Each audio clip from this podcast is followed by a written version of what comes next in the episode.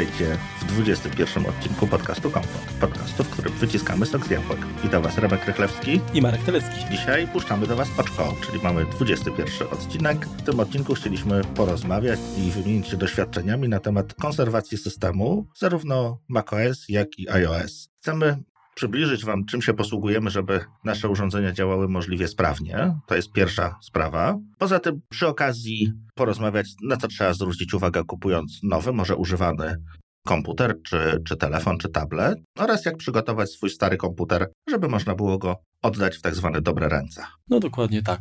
Jesteś administratorem, także pewnie do czynienia z różnymi sytuacjami takimi awaryjnymi, gdzie musiałeś reagować, masz sporo. Pytanie, jak wiele z tych sytuacji dotyczyło komputerów z jabłuszkiem i systemu makowego? Jest to no, znacząco mniej, no bo znacząco mniej tych systemów jak gdyby mam okazję dotykać, natomiast no, też się zdarzają problemy zarówno ze sprzętem, zarówno z oprogramowaniem. Może rzadziej, natomiast no, czasem warto wiedzieć, w jaki sposób można, nie wiem, odzyskać dane, czy w jakiś tam sposób naprawić komputer.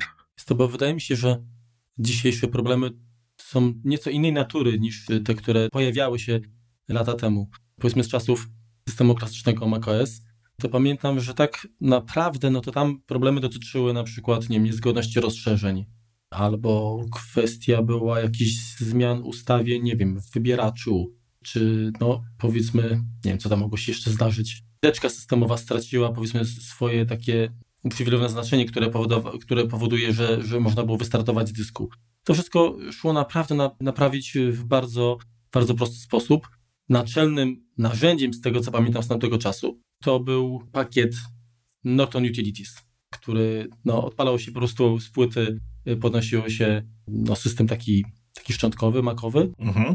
Y, można było przeskanować dysk, zoptymalizować dysk. Wszystkie błędy, które tam się naprawiły, jeżeli to, oczywiście to, to było narzędzie w użyciu, jeżeli inne takie systemowe rozwiązania nie pomagały, czyli przykład przebudowanie desktopu, tak, przebudowanie biurka, czyli tak naprawdę odtworzenie, czy jakby powtórne stworzenie takiego pliku desktop.db, czyli takiej bazy danych, która powiedzmy indeksowała no, zawartość.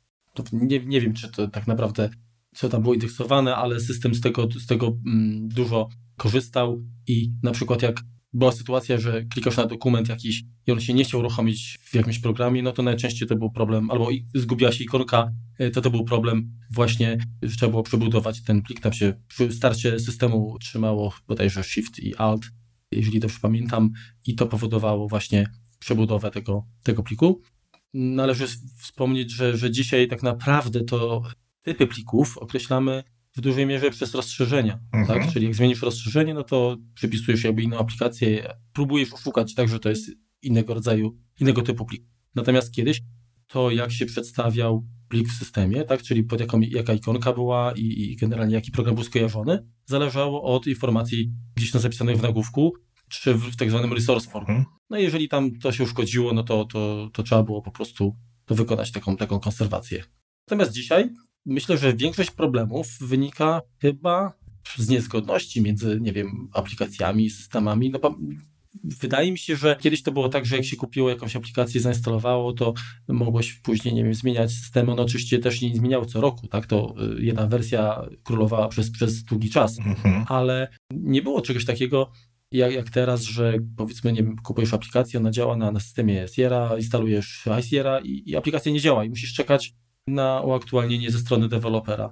Oczywiście to zależy wszystko od, od stopnia skomplikowanej aplikacji. Jeżeli odwołuje się do jakichś zasobów, czy powiedzmy funkcji takich systemowych, które akurat uległy zmianie albo zostały, nie wiem, wycofane czy zmodyfikowane, no to nie ma prawa zadziałać. Natomiast jak, mhm. jak, jak, jak program nie jest taki wymagający, no to powinien.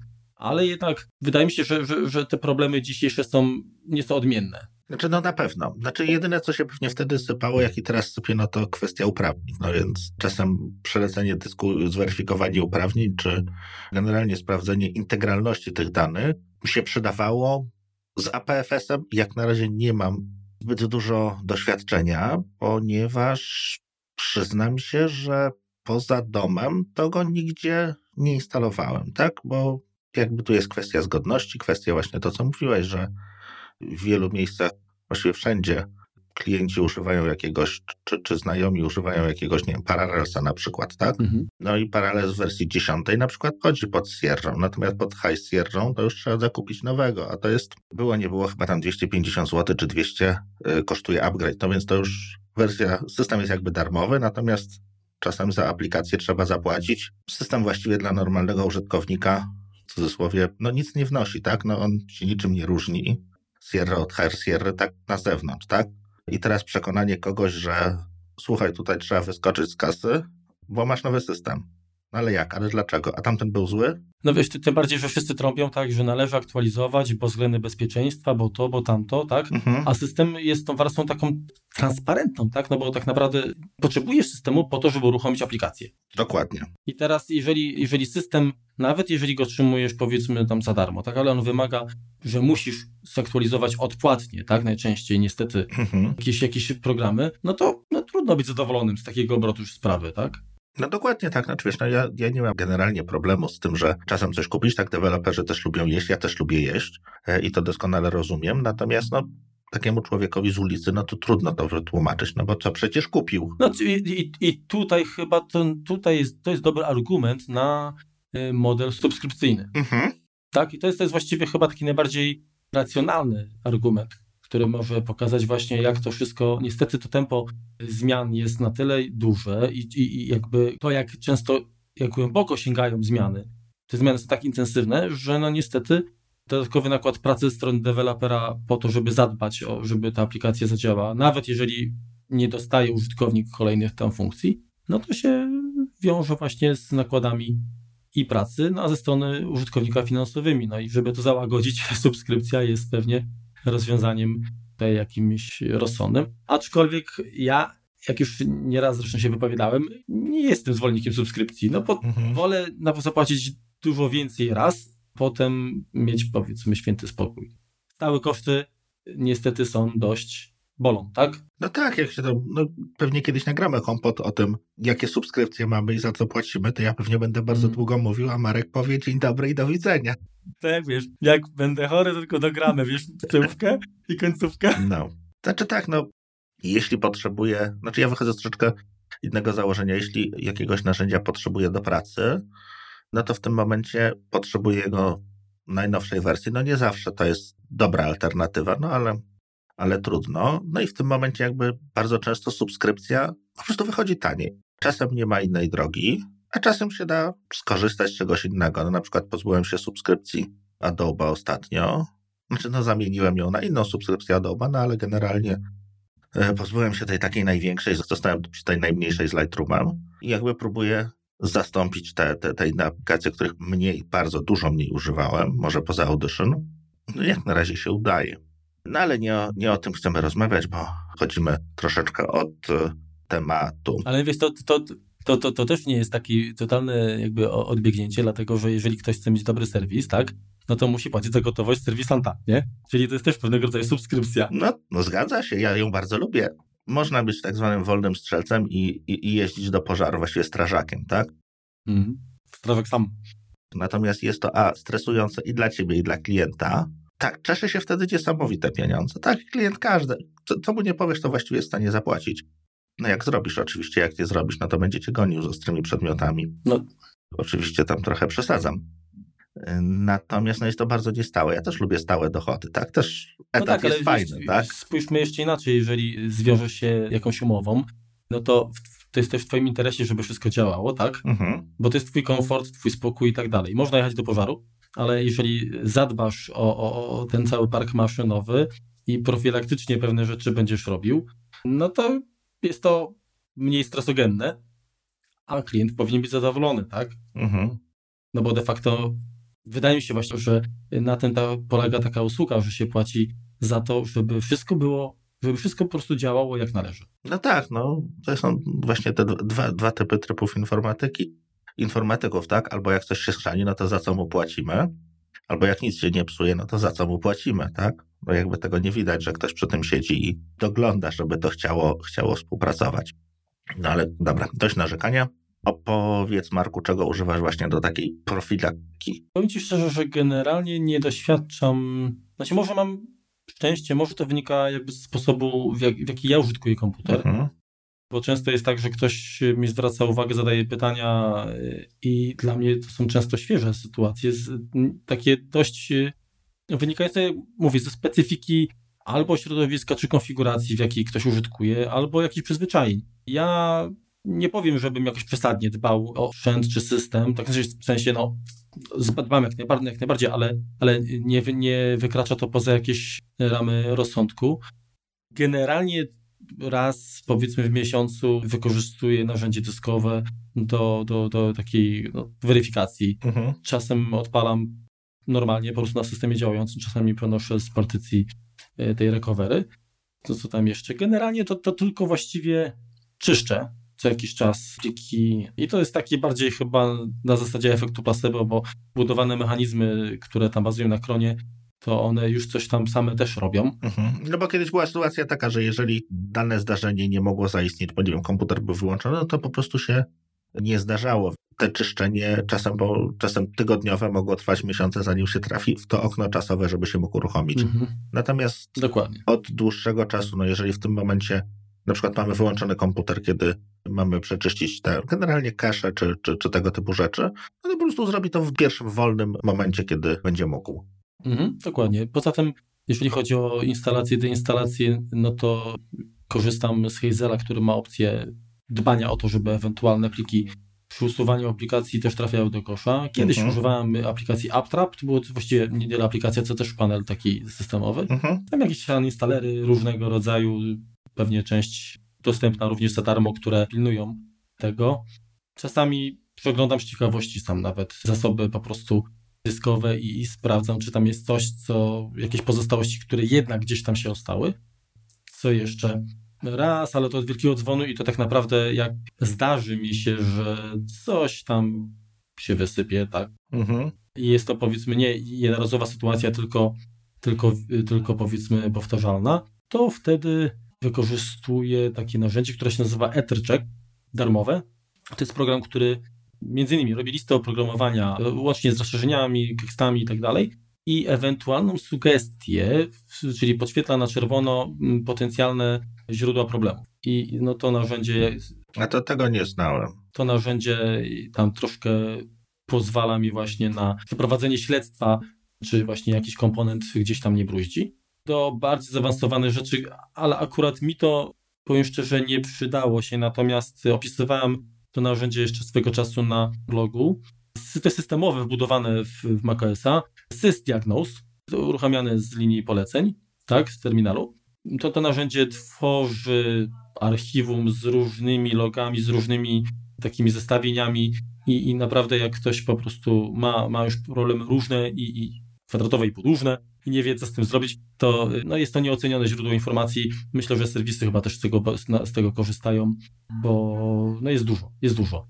A co tam jeszcze? Hmm, korzystam z takiego rozwiązania, które się nazywa TG Pro, TG Pro, czyli Temperature Gauge Pro. To jest aplikacja do monitorowania wiatraków i czynników. Zresztą kiedyś mówiliśmy, pamiętasz, o aplikacjach zainstalowanych? Tak, tak, pamiętam, tak, tak. tak. I między innymi ona zawiera system właśnie mm, takiej diagnozy zarówno czynników, jak i wentylatorów, dysku, czyli generalnie gdyby coś nie chodziło, tak, coś nie zadziałało, to mam jakiś, jakiś podgląd, czy ewentualnie powinienem zareagować. Przypuszczam, że gdybym miał już tam powiedzmy dywan owinięty wokół łopatek na wentylatorach, to po prostu dzięki tej aplikacji taką informację zwrotną bym dostał.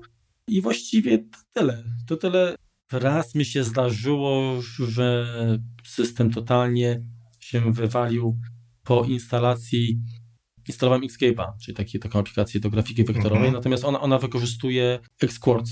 Tak. I chyba tu coś nie zadziałało, bo po instalacji niestety mi się system wysypał, i, ale to jeszcze na Macu. I byłem zmuszony niestety no, dane odzyskiwać, a że nie miałem akurat wtedy najświeższej kopii. Ale zawsze tak będzie.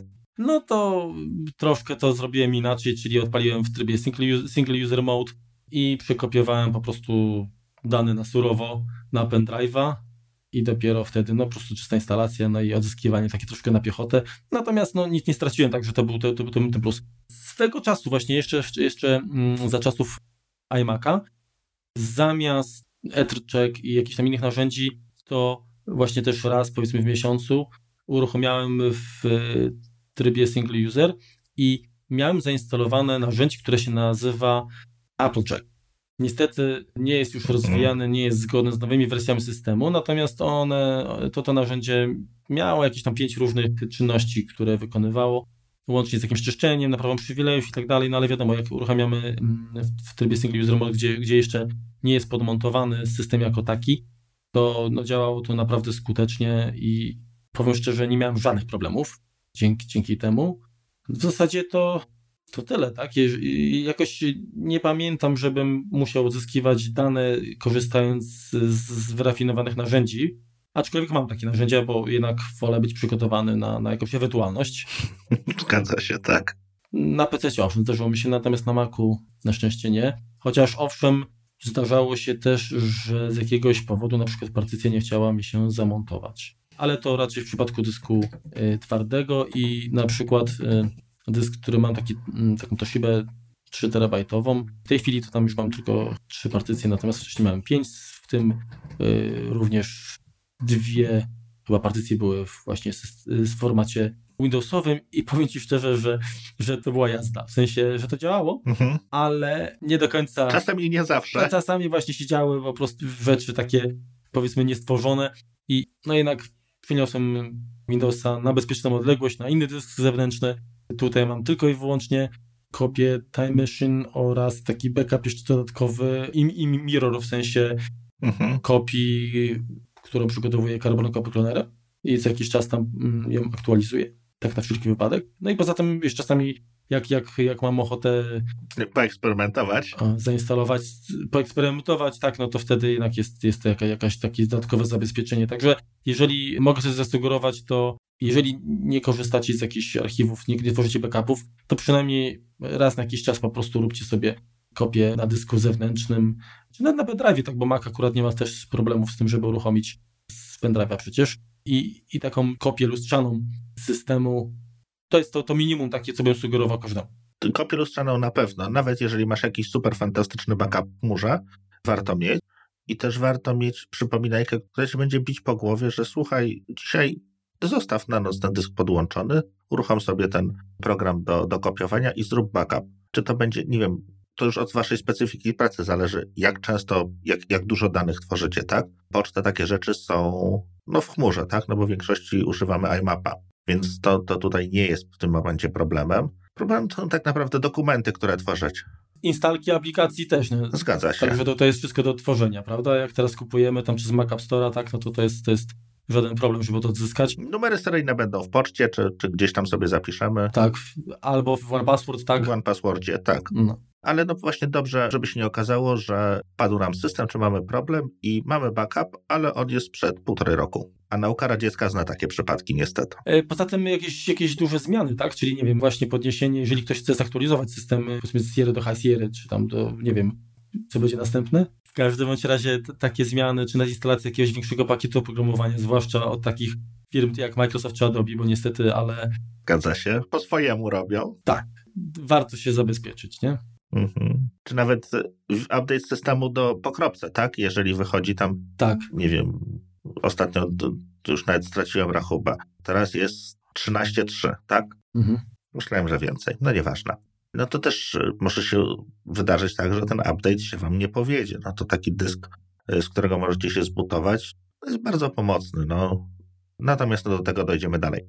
Ja jeśli jak mogę, to, to bym tak zasugerował, że, że jeżeli aplikacje, które instalujecie, wystarczy po prostu wrzucić do, do dotyczki programy, to tutaj to ryzyko jest właściwie niewielkie. Natomiast wszystkie inne, które korzystają z instalera, czyli cokolwiek wrzucają do zasobów, do, do folderów systemowych, no to jednak tutaj byłbym ostrożny i to może nie to, że przy każdej aplikacji od razu robić jakieś kopie, ale no jakoś tak z większą dozą tutaj. Z pewną taką nieśmiałością. Nieśmiałością, tak.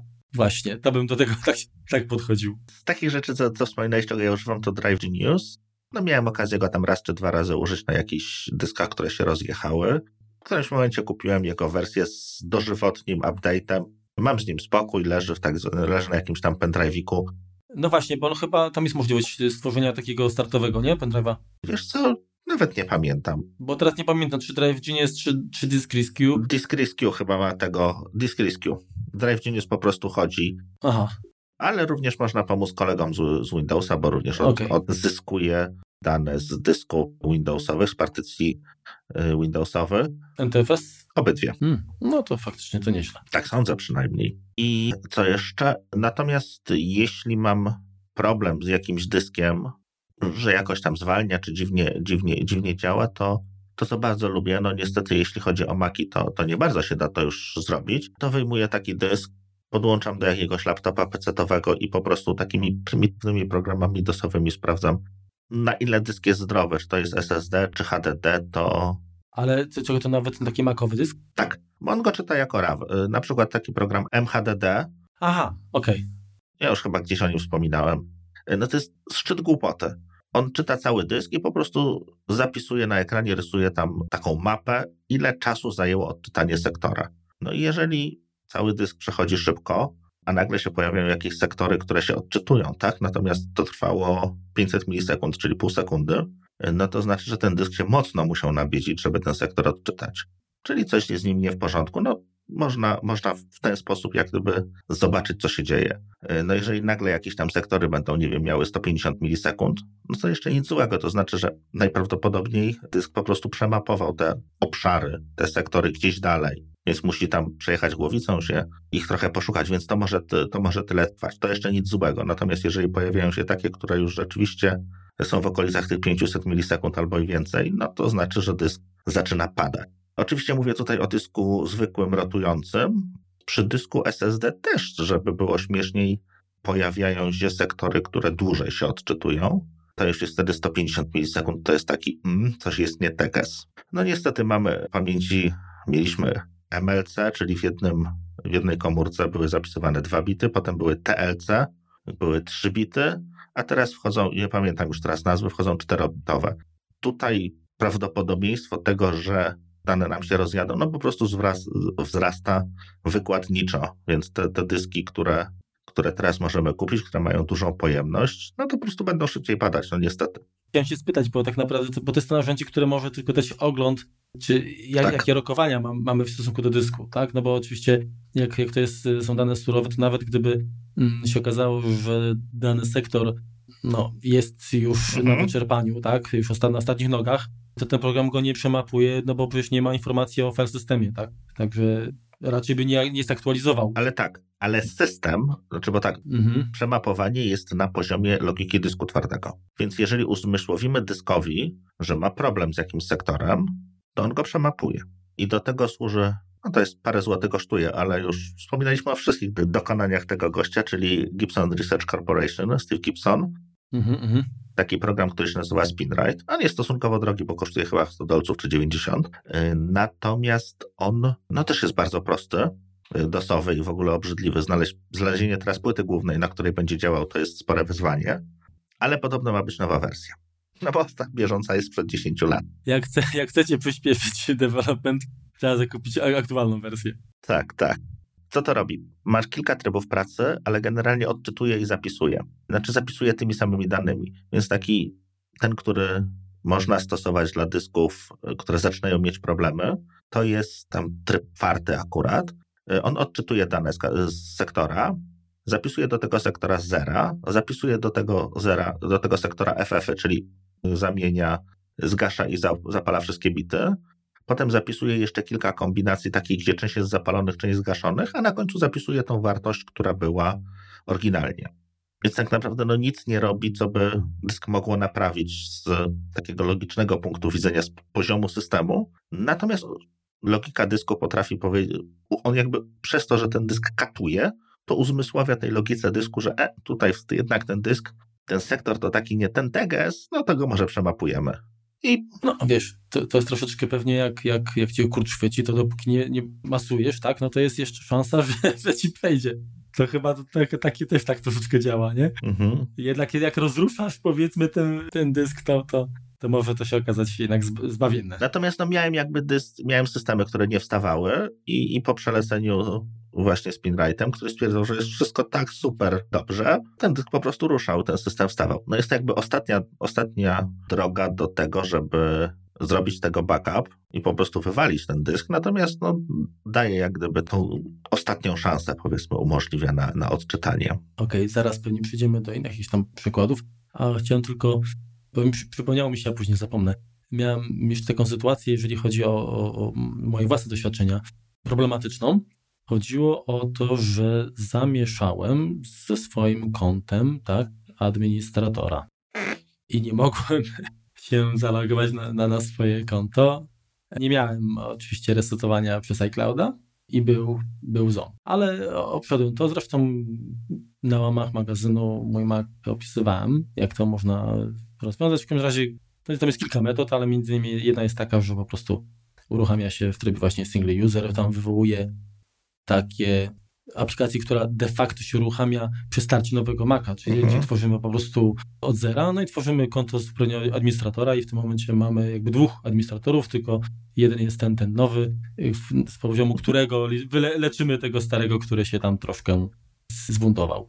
Także, także no to tak, taka moja tutaj no i to, jeśli, jeżeli mamy więcej niż jednego Maca, no to zawsze możemy uruchomić w Target Disk Mode mhm. i podłączyć po prostu go jako, jako tam dysk do innego do innego warto, warto zwrócić uwagę, tak, że kiedyś ten target mode działał tylko na chyba na dyskach właśnie, znaczy po Firewire. Po Firewire, dokładnie. Natomiast działa po Thunderbolcie w nowych. I po USB i, i po USB też, ale po USB to z tego co kojarzę to chyba od y, Leoparda albo Snow Leoparda chyba. Tak mi się coś kojarzy. Albo też to może być kwestia kolejnej, konkretnej rewizji systemu, w sensie sprzętu. Mm, wydaje mi się, że chodziło wtedy y, o, o to, że o wsparcie dla tych partycji GUID, tak? Mhm. I tutaj chyba te różnice powodowały, że to czasami chciało działać, nie działo. W sensie, że ta partycja jak na USB nie chciało mhm. po prostu działać, nie? Ale nie pamiętam teraz dokładnie. W każdym razie no, przy aktualnych sprzętach, aktualnych systemach bez problemu to, to powinno działać, natomiast ze starszymi je, jest różnie. Chyba, że mamy file Volta uruchomionego no, wtedy, na całym dysku, no to wtedy zapomnienie do niego hasła to równa się końcu, końcowi zabawy, no chyba, że mamy to hasło synchronizowane przez chain tam do, do iClouda, no to wtedy jest, jest nadzieja. Mhm. Teraz tak, y, to ja ci zadaję jeszcze pytanie, y, mhm.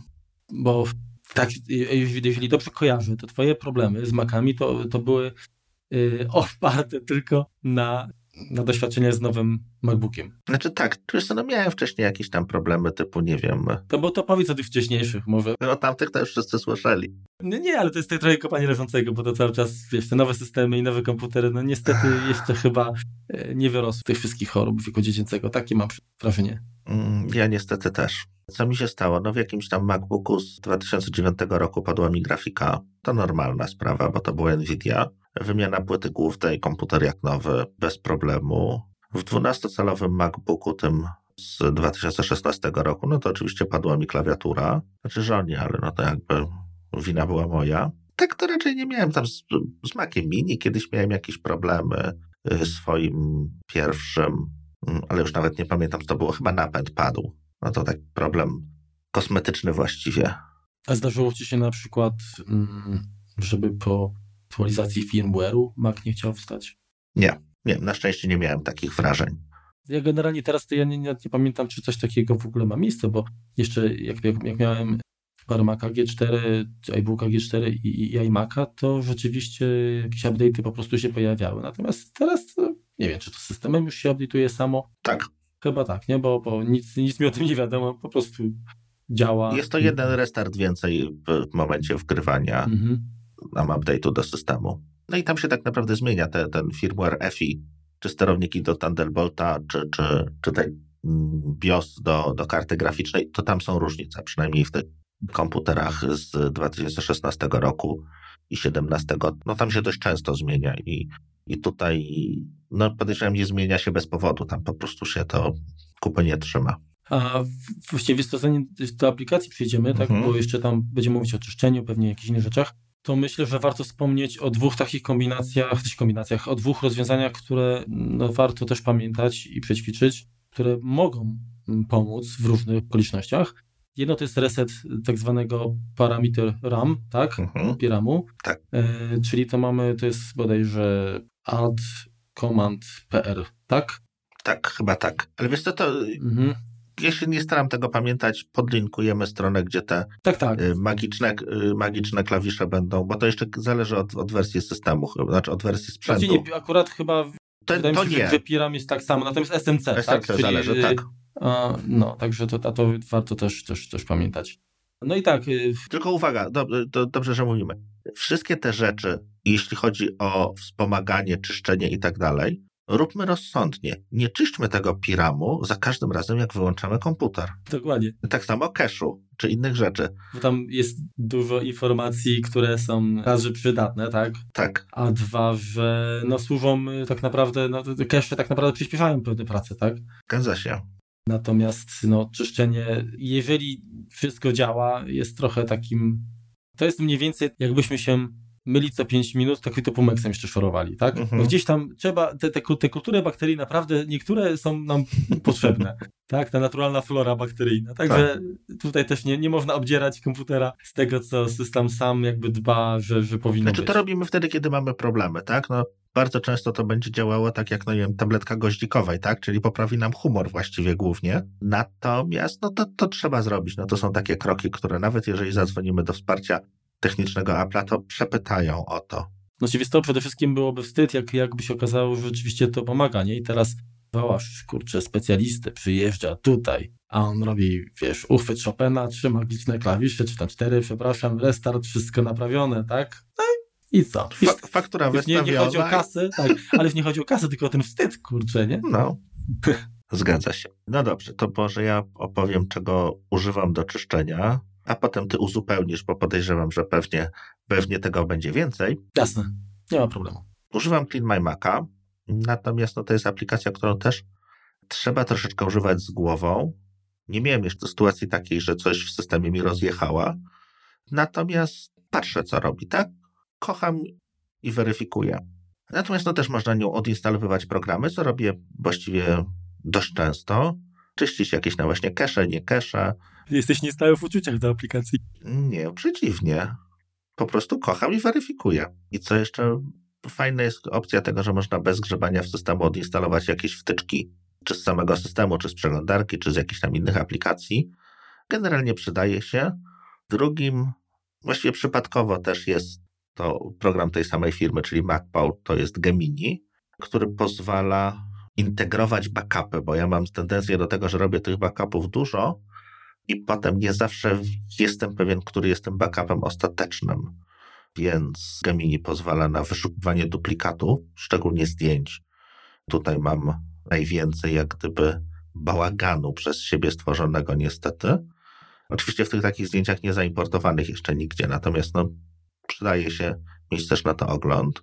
Bardzo fajny jest Daisy Disk, który pokazuje, co nam na dysku zajmuje miejsce ostatnio odkryłem, że coś mi ten system jakiś tak duży jest, czy ten coś przegrywam, czy kopię jakąś robiłem właśnie bez, bez tam jakichś tam plików, bez, bez danych, żeby po prostu jakieś tam eksperymenty przeprowadzić. No i się okazało, że w tym, w tym systemie mam 60 GB backupów iOS-owych, a ja to na SSD próbowałem zmieścić 128 i chciałem po prostu wszystko, żeby się tylko zmieściło. No, bez sensu, wystarczyło po prostu sprawdzić co mi zajmuje połowę dysku. Przypuszczam, że teraz najwięcej miejsca zajmują ci ścieżki z naszych nagrań. Wiesz co, ja je dość szybko archiwizuję gdzieś dalej. Mhm. Więc trzymam powiedzmy bieżącą, są to maksymalnie trzy, trzy ścieżki.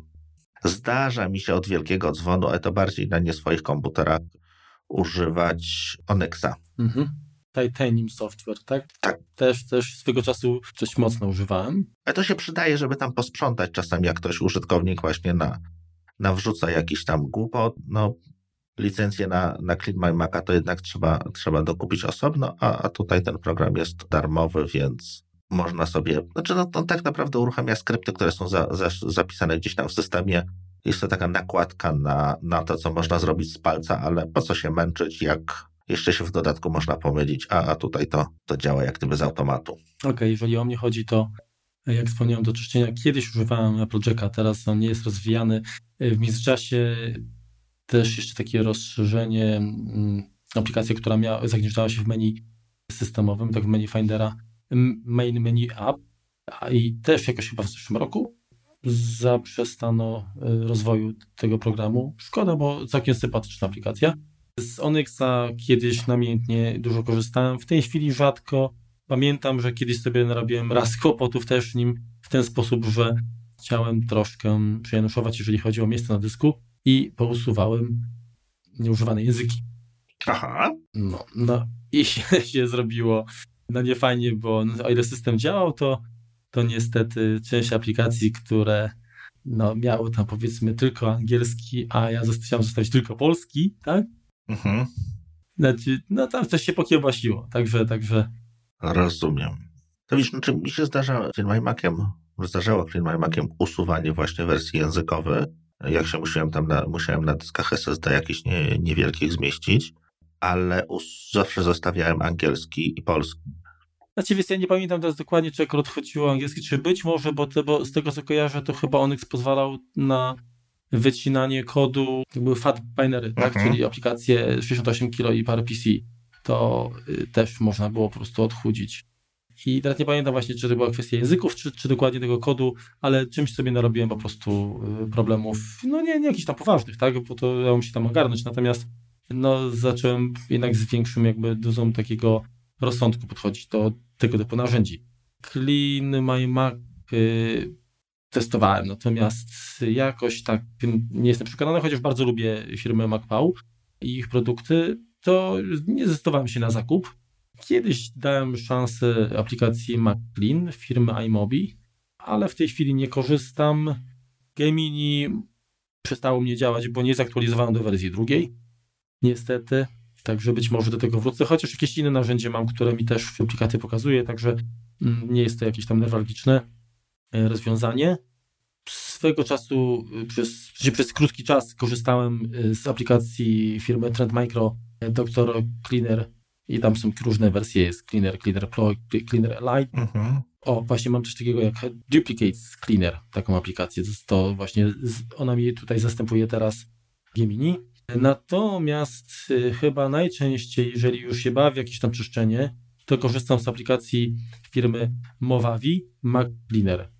Ona bardzo fajnie tam czyści nieinwazyjnie, też można oczywiście tam odinstalować y, języki, pozwala przejrzeć y, aplikacje, które się uruchamiają przy starcie systemu, właśnie rozszerzenia, wtyczki, tak jak, jak ty wspominałeś. Niestety chyba nie jest ta wersja, którą ja posiadam, musiałbym zaktualizować, jeżeli bym się przesiadł na High czego jeszcze nie zrobiłem. Także albo sobie po prostu podziękuję tej aplikacji, albo, albo zakupię update, ale na razie to nie jest jakby czynność, którą y, mam zamiar wykonać, tak? W sensie mówię o upgrade'zie systemu jeszcze, jeszcze się wstrzymuję. I ostatnia chyba jeszcze taka aplikacja, którą sporadycznie, ale załączam, to jest y, Secure Mac Privacy Scan.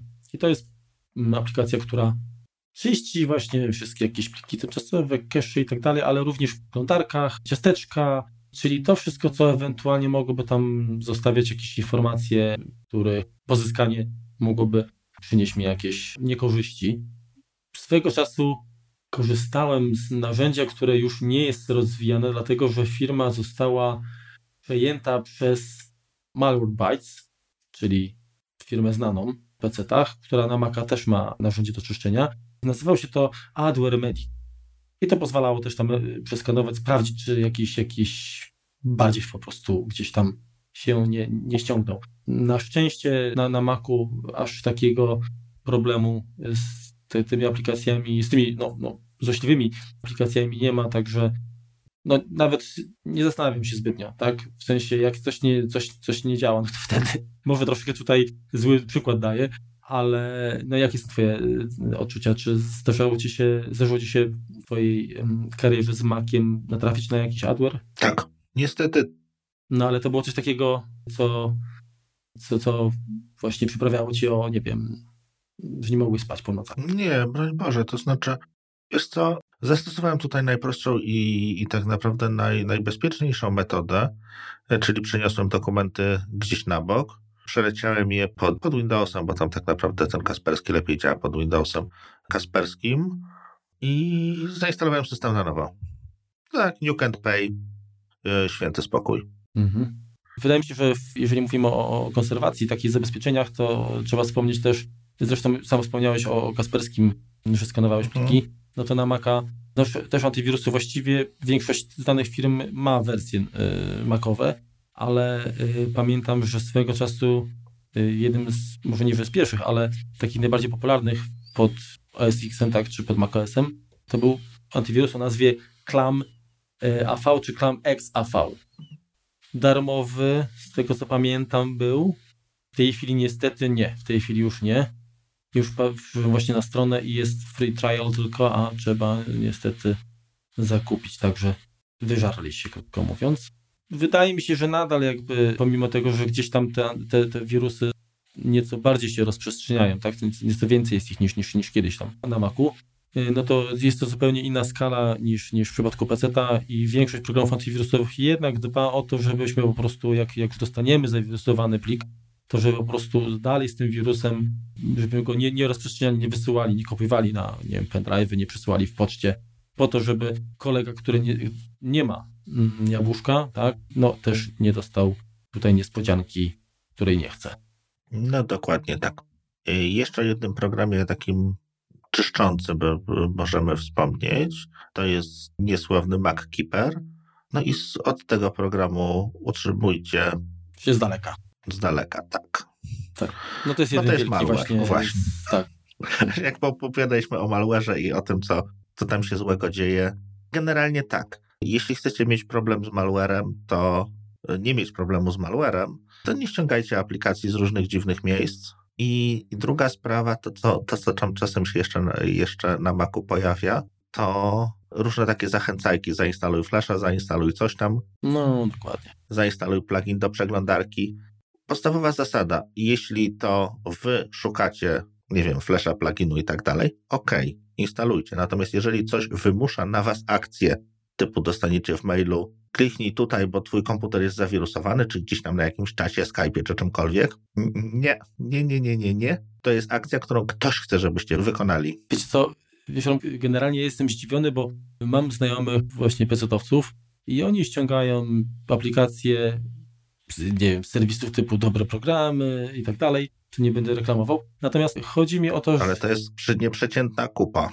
No tak, no i właśnie chodzi mi o to, mówię, ale słuchaj, co ściągasz? No ściągam, nie wiem, tam Avasta albo właśnie, no nie wiem, Adobe Flash czy coś takiego, a, no ale to wiesz, jaka jest strona producenta, dlaczego nie uderzysz do źródła? Po co korzystasz z pośrednictwa jakiegoś przebranego serwisu? No bo tak naprawdę, no, no jak można zaufać, tak? I najczęściej to jest tak, że, że no przynajmniej na PC, tak, że y, to, y, ściąga, pobiera jakiś, jakiś y, downloader, który dopiero program właściwy pobierze na, na, na komputer. No nie wiem, dla mnie to jest y, totalnie nierozsądne i, i, i, i... Szczególnie, że oni, że akurat dobre programy czy tego typu serwisy bardzo często instalują oprócz tego programu jakieś barachło. No dokładnie. Znaczy... Tak mówiąc, może nie malware, ale nazwijmy to barachło. Nie no, ja rozumiem, że to jest jakiś y, powiedzmy sposób na biznes, tak, ale no, to innego jest korzystanie z linka afiliacyjnego, tak, który i tak nas prowadzi do, do źródła, mhm. a co innego, gdy, gdy no, musimy instalować jeszcze jakieś, jakieś narzędzie pośredniczące, które no okej, okay, dobrze, być może będzie jakoś monitorować dodatkowo jeszcze uaktualnienia i tak dalej, ale no nie wiem, o ile powiedzmy mam coś takiego, jeżeli chodzi o... Nie, Marku, nie, nie mamy tak, nie naj nigdy. Od strony producenta zawsze ściągamy wszystko. Hmm. Nie, nie, chodzi mi bardziej wiesz, o sytuację takiej, że ja na przykład korzystam, tylko ufam takim, zwłaszcza jeżeli chodzi o gry, czyli jakiś tam, nie wiem, Steam, czy powiedzmy, nie wiem, Mac Games, mhm. czy, czy, czy Battle.net, tak, no to są, no to też de facto są stworzone narzędzia, które zarządzają, czy, czy powiedzmy Origin, które zarządzają zasobami naszego konta i to jest dedykowana aplikacja, tak, ale ja też jakby, no wiem, znam źródło. Znaczy tak, jeśli chodzi o PC, to z jednego miejsca tylko poza stronami producentów ściągam programy, to jest Night. Strona ninite.com. Mhm. No tak, ale to jest, to, jest, to jest bardzo fajne zresztą narzędzie do, do takiego mm, tworzenia jakby paczek, nie? Dokładnie. Jak chcemy sobie powiedzmy zawsze najbardziej aktualne wersje na iluś komputerach, no to faktycznie tam jest to sprawdzone. Te aplikacje tak naprawdę ściągają się właśnie od producentów. Jeszcze nie słyszałem, żeby cokolwiek złego się z tą stroną stało i no po prostu ułatwia instalację, no i pozwala na jakby zaoszczędzić czas biednemu, zapracowanemu administratorowi. Okej, okay, co co, z czyszczeniem? Wyczyściliśmy już wszystko. wyczyściliśmy. Dobrze. Y, jeśli chodzi o archiwizację, to przede wszystkim warto korzystać z tego, co jest budowane, czyli Apple Time Machine. Natomiast nigdy nie należy tego traktować jako jedyny backup. Generalnie nigdy nie należy polegać na jakimkolwiek jednym backupie. Strategia 3.2.1 to już tam wiadomo. Trzy kopie wszystkiego, dwa różne nośniki, jeden offsite. Więc Time Machine jak najbardziej, natomiast on się czasem, chociaż ostatnio nie miałem z nim problemów, natomiast on potrafi po prostu się rozkrzaczyć i powiedzieć, e, nie, już ten sparse bundle jest uszkodzony, sayonara, nie będę dalej z tobą współpracował, załóż sobie nowe. No trochę się to ma tak kiepsko w momencie, kiedy chcemy mieć dostęp do jakichś tam historii plików, no ale można. A powiedz mi, ty robisz kopię Time Machine na mm, Time Capsule, tak? E, tak. Mhm.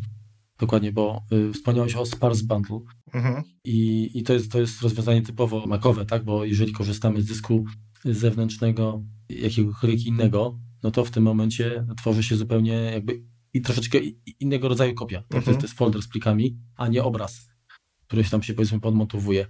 I to wpływa niestety, ale wpływa również y, z mojego punktu widzenia na efektywność późniejszego przeglądania.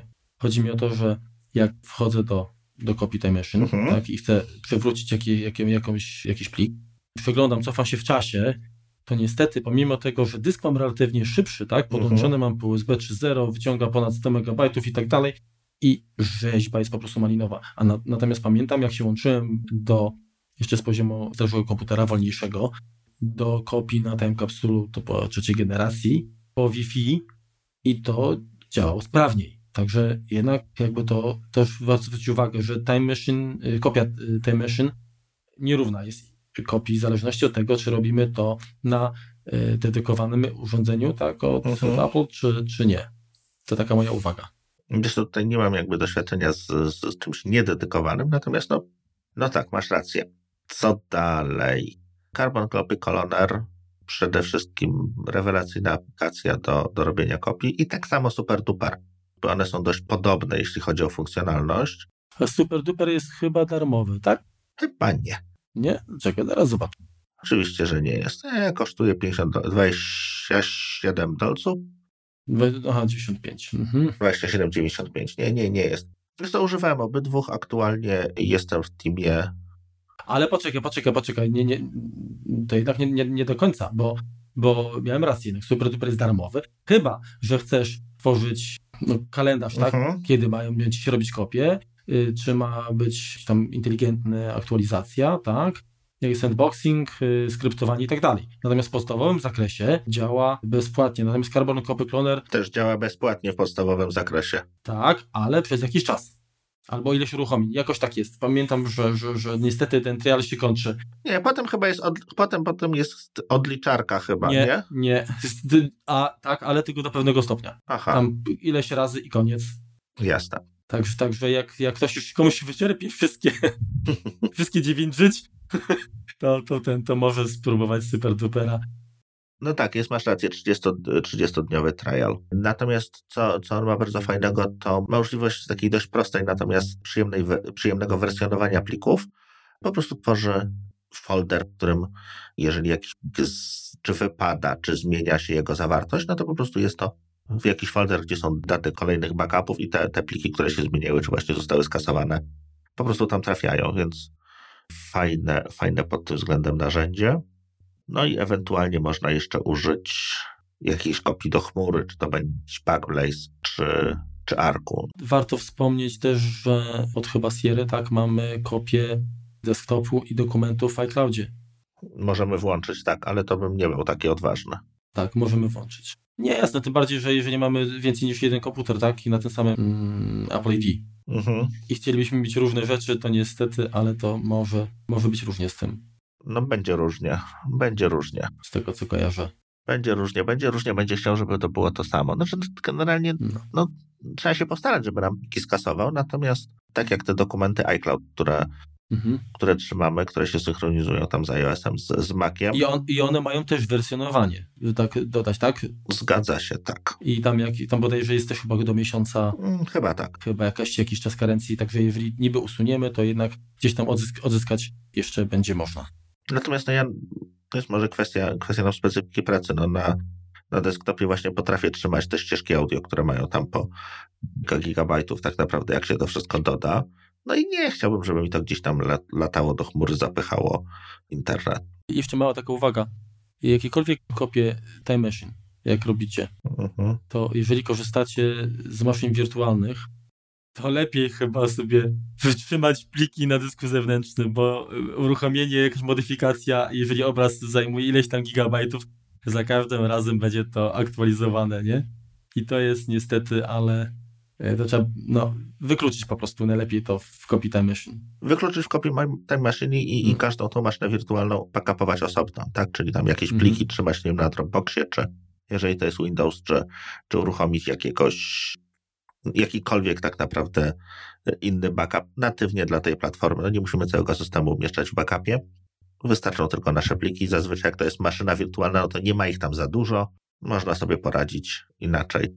No właśnie, bo teraz nawet jeżeli, jeżeli to jest y, plikopartycja taka dynamiczna, ale ona też powiedzmy będzie miała, no sam goły system będzie zajmował kilka mhm. albo kilkanaście gigabajtów. Domyślnie Time Machine robi kopię co godzinę jakąś i teraz te kilkanaście gigabajtów miałoby za każdym razem, no to... No czasem Wi-Fi może być za wolne, no. Szkoda, szkoda, dokładnie to szkoda po prostu tego powielania. No to bardziej, że to się w tym momencie rozrasta, nie? Bo jednak mhm. te, te wersje byłyby tam trzymane. Także to warto zwrócić uwagę. No ja, ja korzystam głównie właśnie z Carbon Cleanera i, i kopię Time Machine na dysku zewnętrznym. Um, to właściwie tyle. Plus, plus iCloud, tak. Mhm. Mam włączone to, ale to głównie bardziej chodzi mi o to, żeby powiedzmy mieć dostęp z iPhone'a na przykład do tych samych dokumentów. Tak, bo wygoda, no bo to jest kwestia, to nie jest backup, tak, no nie możesz, tam możesz się mhm. cofnąć, natomiast no to jest jakby tam ostatnia deska ratunku, tak, no synchronizuje pomiędzy sobą wszystkie urządzenia, więc jeżeli na jednym usuniemy, no to nareszcie też domyślnie się usunie. No można to odzyskać, natomiast odzyskiwanie nie, nie bardzo jakby wpasowuje się w ideę trzymania tego backupu. No. Teraz tak, może parę takich narzędzi ja nazwałem na wszelki wypadek, czyli to, co się przydaje mieć tam gdzieś tam w zanadrzu, czy, czy po prostu w takiej na jakim pendrive'ie, czy czymkolwiek, no generalnie toolsy, które się potrafią przydać w przy okazji jakiegoś tam problemu, czy, czy, czy z komputerem naszym, czy jakimś tam innym. No to przede wszystkim warto mieć zawsze aktualną, butowalną, czy nawet kilka wersji, bo to jakby dużo nie zajmuje. W sensie można na, na jednym pendrive mieć kilka kopii systemu. Staram się zwykle trzymać aktualne kopie jed, jednego, czyli aktualnego i, i, i jednego wstecz Mm, no bo tak się, tak się to najczęściej przydaje. Zawsze można się uruchomić z niego, naprawić jakieś, jakieś tam kwestie z systemem, czy po prostu przeinstalować system w, naj, w najgorszym wypadku po, po uprzednim zrobieniu kopii. Przydaje się również coś, co się nazywa TechTool Pro. Jeszcze chciałem tutaj y, przerwać, bo widzę, że dodały się adresy Diskmaker X, Install Disk Creator, tak, MacDaddy. A tak. Z tego co pamiętam, to Carbon Copy Container też nam zrobi przeciwbutowalną wersję systemu. Całego systemu, czy tylko recovery? Całego. Dla, dla niego chyba nie ma różnicy, czy to jest dysk, czy to jest y, pendrive. No ja na, na, na tym moim Kingstonie dużym, no tak właśnie działałem, także... Ale to instalkę ci wtedy robi? Nie, nie.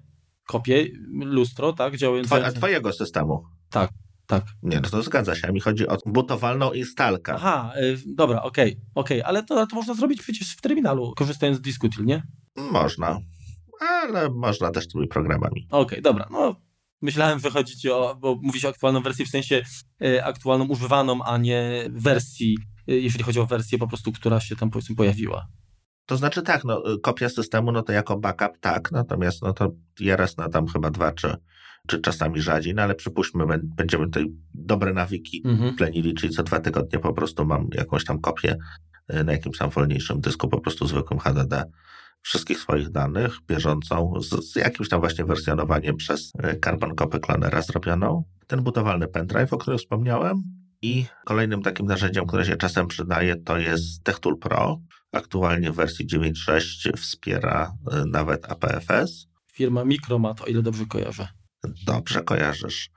No też taki program chyba, który jest od, od prawie zawsze, jeśli chodzi o przynajmniej o... Tak, tak. Jeszcze w starych klasycznych systemach y, makowych też, też on mm, był w użyciu. Mhm. Pozwala na jakąś tam diagnostykę czy, czy dysków, czy odtwarzanie danych z nich, odczyt parametrów smart, partycji, testy pamięci, klonowanie również można nim zrobić, ale nigdy tego nie, nie robiłem. Są inne programy tylko do tego. jakieś tam benchmarki, jakieś tam testy sieci, no to się przydaje w momencie takim, że mamy problem i, i nie wiemy, czy to jest kwestia software'u, hardware'u, jak to po prostu, jak tą żabę ugryźć. Wiesz co, to ja dodam do tego zestawu twojego jeszcze takie rozwiązanie, też stary stosunkowo produkt, trudno czy cały czas rozwijany, no po prostu działa na nowych wersjach systemu y, również. To jest oprogramowanie firmy Intech Software Speed Tools Test Suite Pro.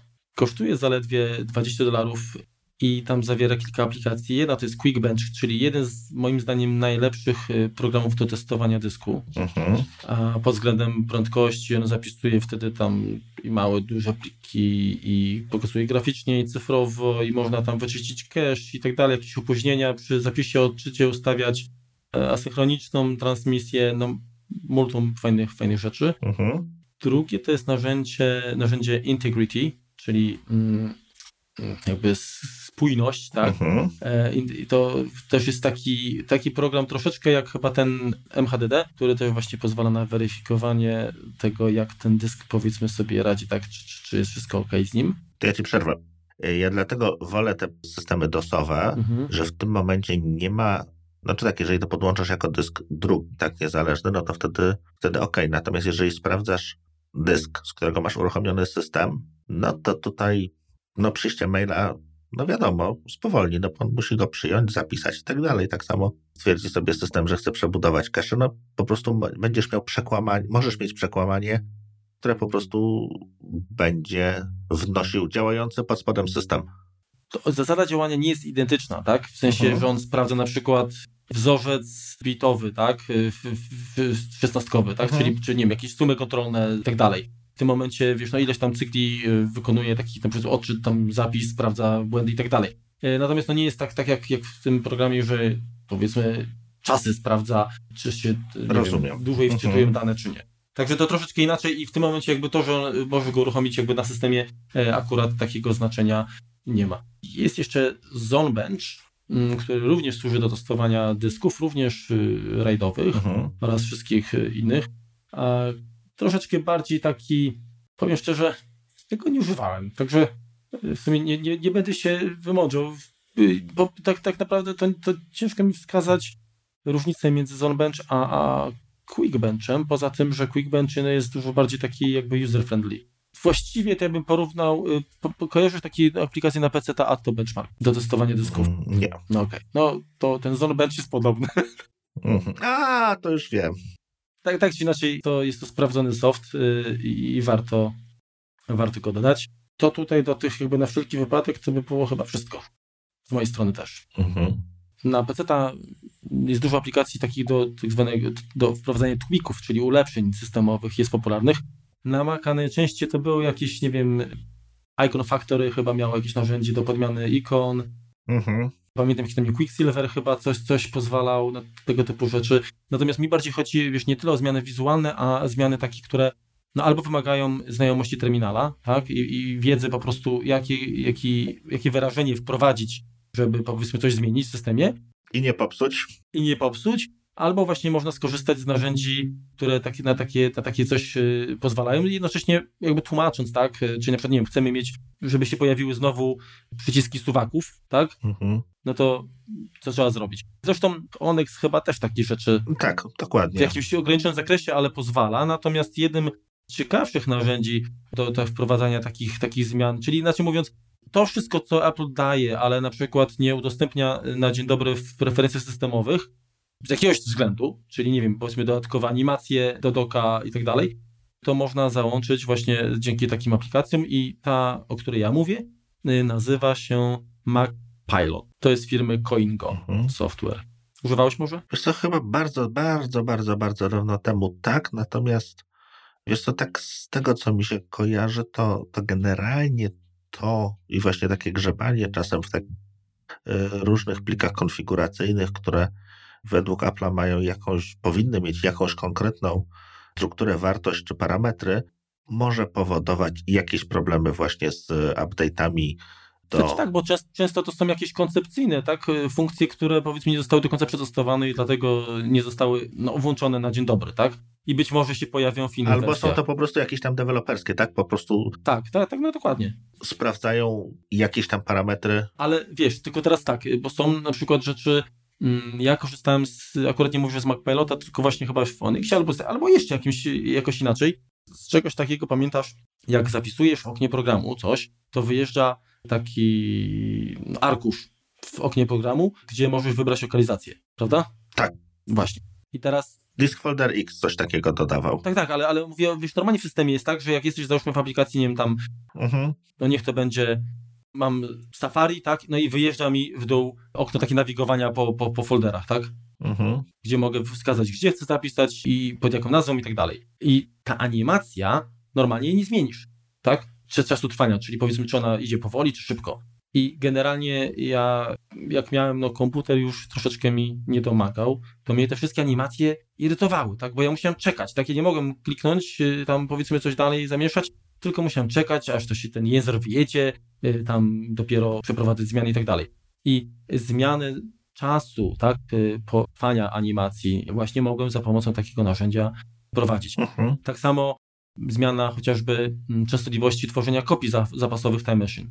Nieco godzina, na przykład, nie wiem, na 6 raz na 6 godzin, tak? No, Tak. Mhm, mhm. to niestety mm, takie coś powinno być moim zdaniem w prewencjach systemowych, a nie, a, a nie wszystko jest. I tutaj akurat nie spodziewałbym się jakichś e, rezultatów destrukcyjnych, tak? Jeżeli ja prowadzę zmiany, czy nie zmienię przezroczystość na przykład doka, Mhm. no i jakoś to może czasami poprawić komfort pracy. To prawda. Natomiast jeżeli jeszcze, y, jeszcze mogę, to przypomniał mi się program mm, do obsługi dysków y, firmy Paragon, czyli odpowiedzialny między innymi za Paragon NTFS, tak? Mhm. Program, aplikacja nazywa się y, Paragon Hard Disk Manager i przydaje się. Przydaje się, obsługuje macowe, pecetowe formaty, tak, systemy plików. Dużo rzeczy można zrobić. Niestety narzędzie dyskowe dziś jest dużo uboższe. Tak naprawdę to jest zabawka, tak? Tak. Tak, jest to troszeczkę zabaweczką, dokładnie, stąd, stąd mój śmiech. Ale to jest, y, tak powiedzmy tak, że to jest program do partycjonowania, tak, do, Tak. do zmiany partycji, który ma jakieś funkcje w przeciwieństwie do tego, który jest wbudowany w system, który no, jest coraz silniej kastrowany ze wszystkiego, co według Apple'a nie jest potrzebne. No ale wiesz co, no taki niestety jest trend. No, to, samo, to samo jest z macOS serwerem. On też Y, Jeszcze dodam tylko, że ten Paragon Disk Manager ma również opcję Backup and Restore, czyli możemy sobie tworzyć archiwa. Natomiast faktycznie, jeżeli chodzi o partycję, no to on tutaj daje totalną dowolność i uważam, że jeżeli chcemy przygotować y, dysk, to jest tak naprawdę, jakby to powiedzieć, jak na PC uruchamiamy, jak się nazywa to, to zarządzanie dyskami, tak? Ten admi- menadżer dysku. Y, Właśnie. To on troszeczkę to przypomina, tak? Także jest tutaj dużo więcej informacji. No, jak porównamy to z tym, co, co daje narzędzie dyskowe, no to jest po prostu kosmos. Także warto. y, On tam jakieś grosze kosztuje, także warto, warto, warto go nabyć. Mhm. No też możemy z takich jeszcze narzędzi dyskowych, czy, czy, czy do backupu, to jest Acronis True Image, uruchomić. To, to, to jest takie też podobne, nieco tak jak kiedyś był Norton Ghost, czyli umożliwia kopii, czy, czy jakichś tam obrazów, dysków, czy przenoszenie. No powiedzmy podobne, tak jak, tak jak Carbon Copy Cloner, czy Super Duper. Natomiast wspiera jeszcze tam jakieś NASy i, i, i pod tym względem też może być ciekawy, natomiast on jest, o ile dobrze pamiętam, chyba abonamentowy Ale zadam takie pytanie. Czy kojarzysz, jak robiło się kopię systemu na, w macOSie klasycznym? Nie, nie miałem nigdy Maca klasycznego. No, widzisz, tam podłączałeś dysk zewnętrzny, formatowałeś go w FSA, tak? I przenosiłeś tak zwaną teczkę systemową, tak? No jeżeli był polski system, a po prostu system, system folder, tak? W angielskim. Mhm. Ewentualnie trzeba było wziąć, wyjąć Findera, włożyć z powrotem. Pojawiła się wtedy ikonka maczka na tej teczce, tak? Mieliśmy, wtedy było wiadomo, że, że on jest butowalny. Wszystko. Mhm. To było piękne. Mm. Także tak jak w tej chwili byśmy chcieli mieć kilka wersji, no to jest troszeczkę jazda, tak? Bo musimy podzielić to na partycje. A kiedyś to było tak, że miałeś teczki systemowe, na przykład systemem 7.1, 7.5 i po prostu, Mhm. oczywiście mogłeś mieć aktywną tylko jedną w danym czasie, Mhm. Mhm. ale nic nie stało na przeszkodzie, żeby wziąć i, i, i wyjąć powiedzmy Findera czy plik system, o ile już pamiętam, właśnie z tej teczki systemowej aktywnego systemu, a aktywować drugi, restart, mamy inny system. Także No tak. No by, było bardzo sporo takich fajnych rzeczy, zresztą tak jak wspomniałem na samym początku, rozwiązywanie problemów z rozszerzeniami, to było na zasadzie sortowania, tak? Czyli jak coś nie działało, to się uruchomiało, y, no inaczej jak, jak coś się zawieszało, tak? Znaczy, inaczej, bo można było uruchomić system bez rozszerzeń, tak? Po wciśnięciu bodajże shifta i teraz tak, jeżeli któreś rozszerzenie paliło, a, albo panel kontrolny, no to wchodziło się do takiego rozszerzenia, zabierało się połowę, wyciągało na przykład tam na desktop, restarcik, go działa. Ok, to z tej połowy powiedzmy dorzucamy, przywracamy przywracamy tak. połowę, tak? Jeden czwartą działa, działa, nie? Ok, dobra, coś można było oczywiście etykietę nadawać różne kolory, wiedzieliśmy, które były dodane wcześniej, później i dzięki temu no można było powiedzmy szatkować te zestawy mhm. i tą metodą no, wyeliminować, a to ty jesteś dziadu jeden. No, także, także sympatyczne rozwiązania. Niestety teraz systemy są dużo bardziej skomplikowane pod maską. I może to jest jakby też ten powód, dla którego użytkownika się odcina, nie?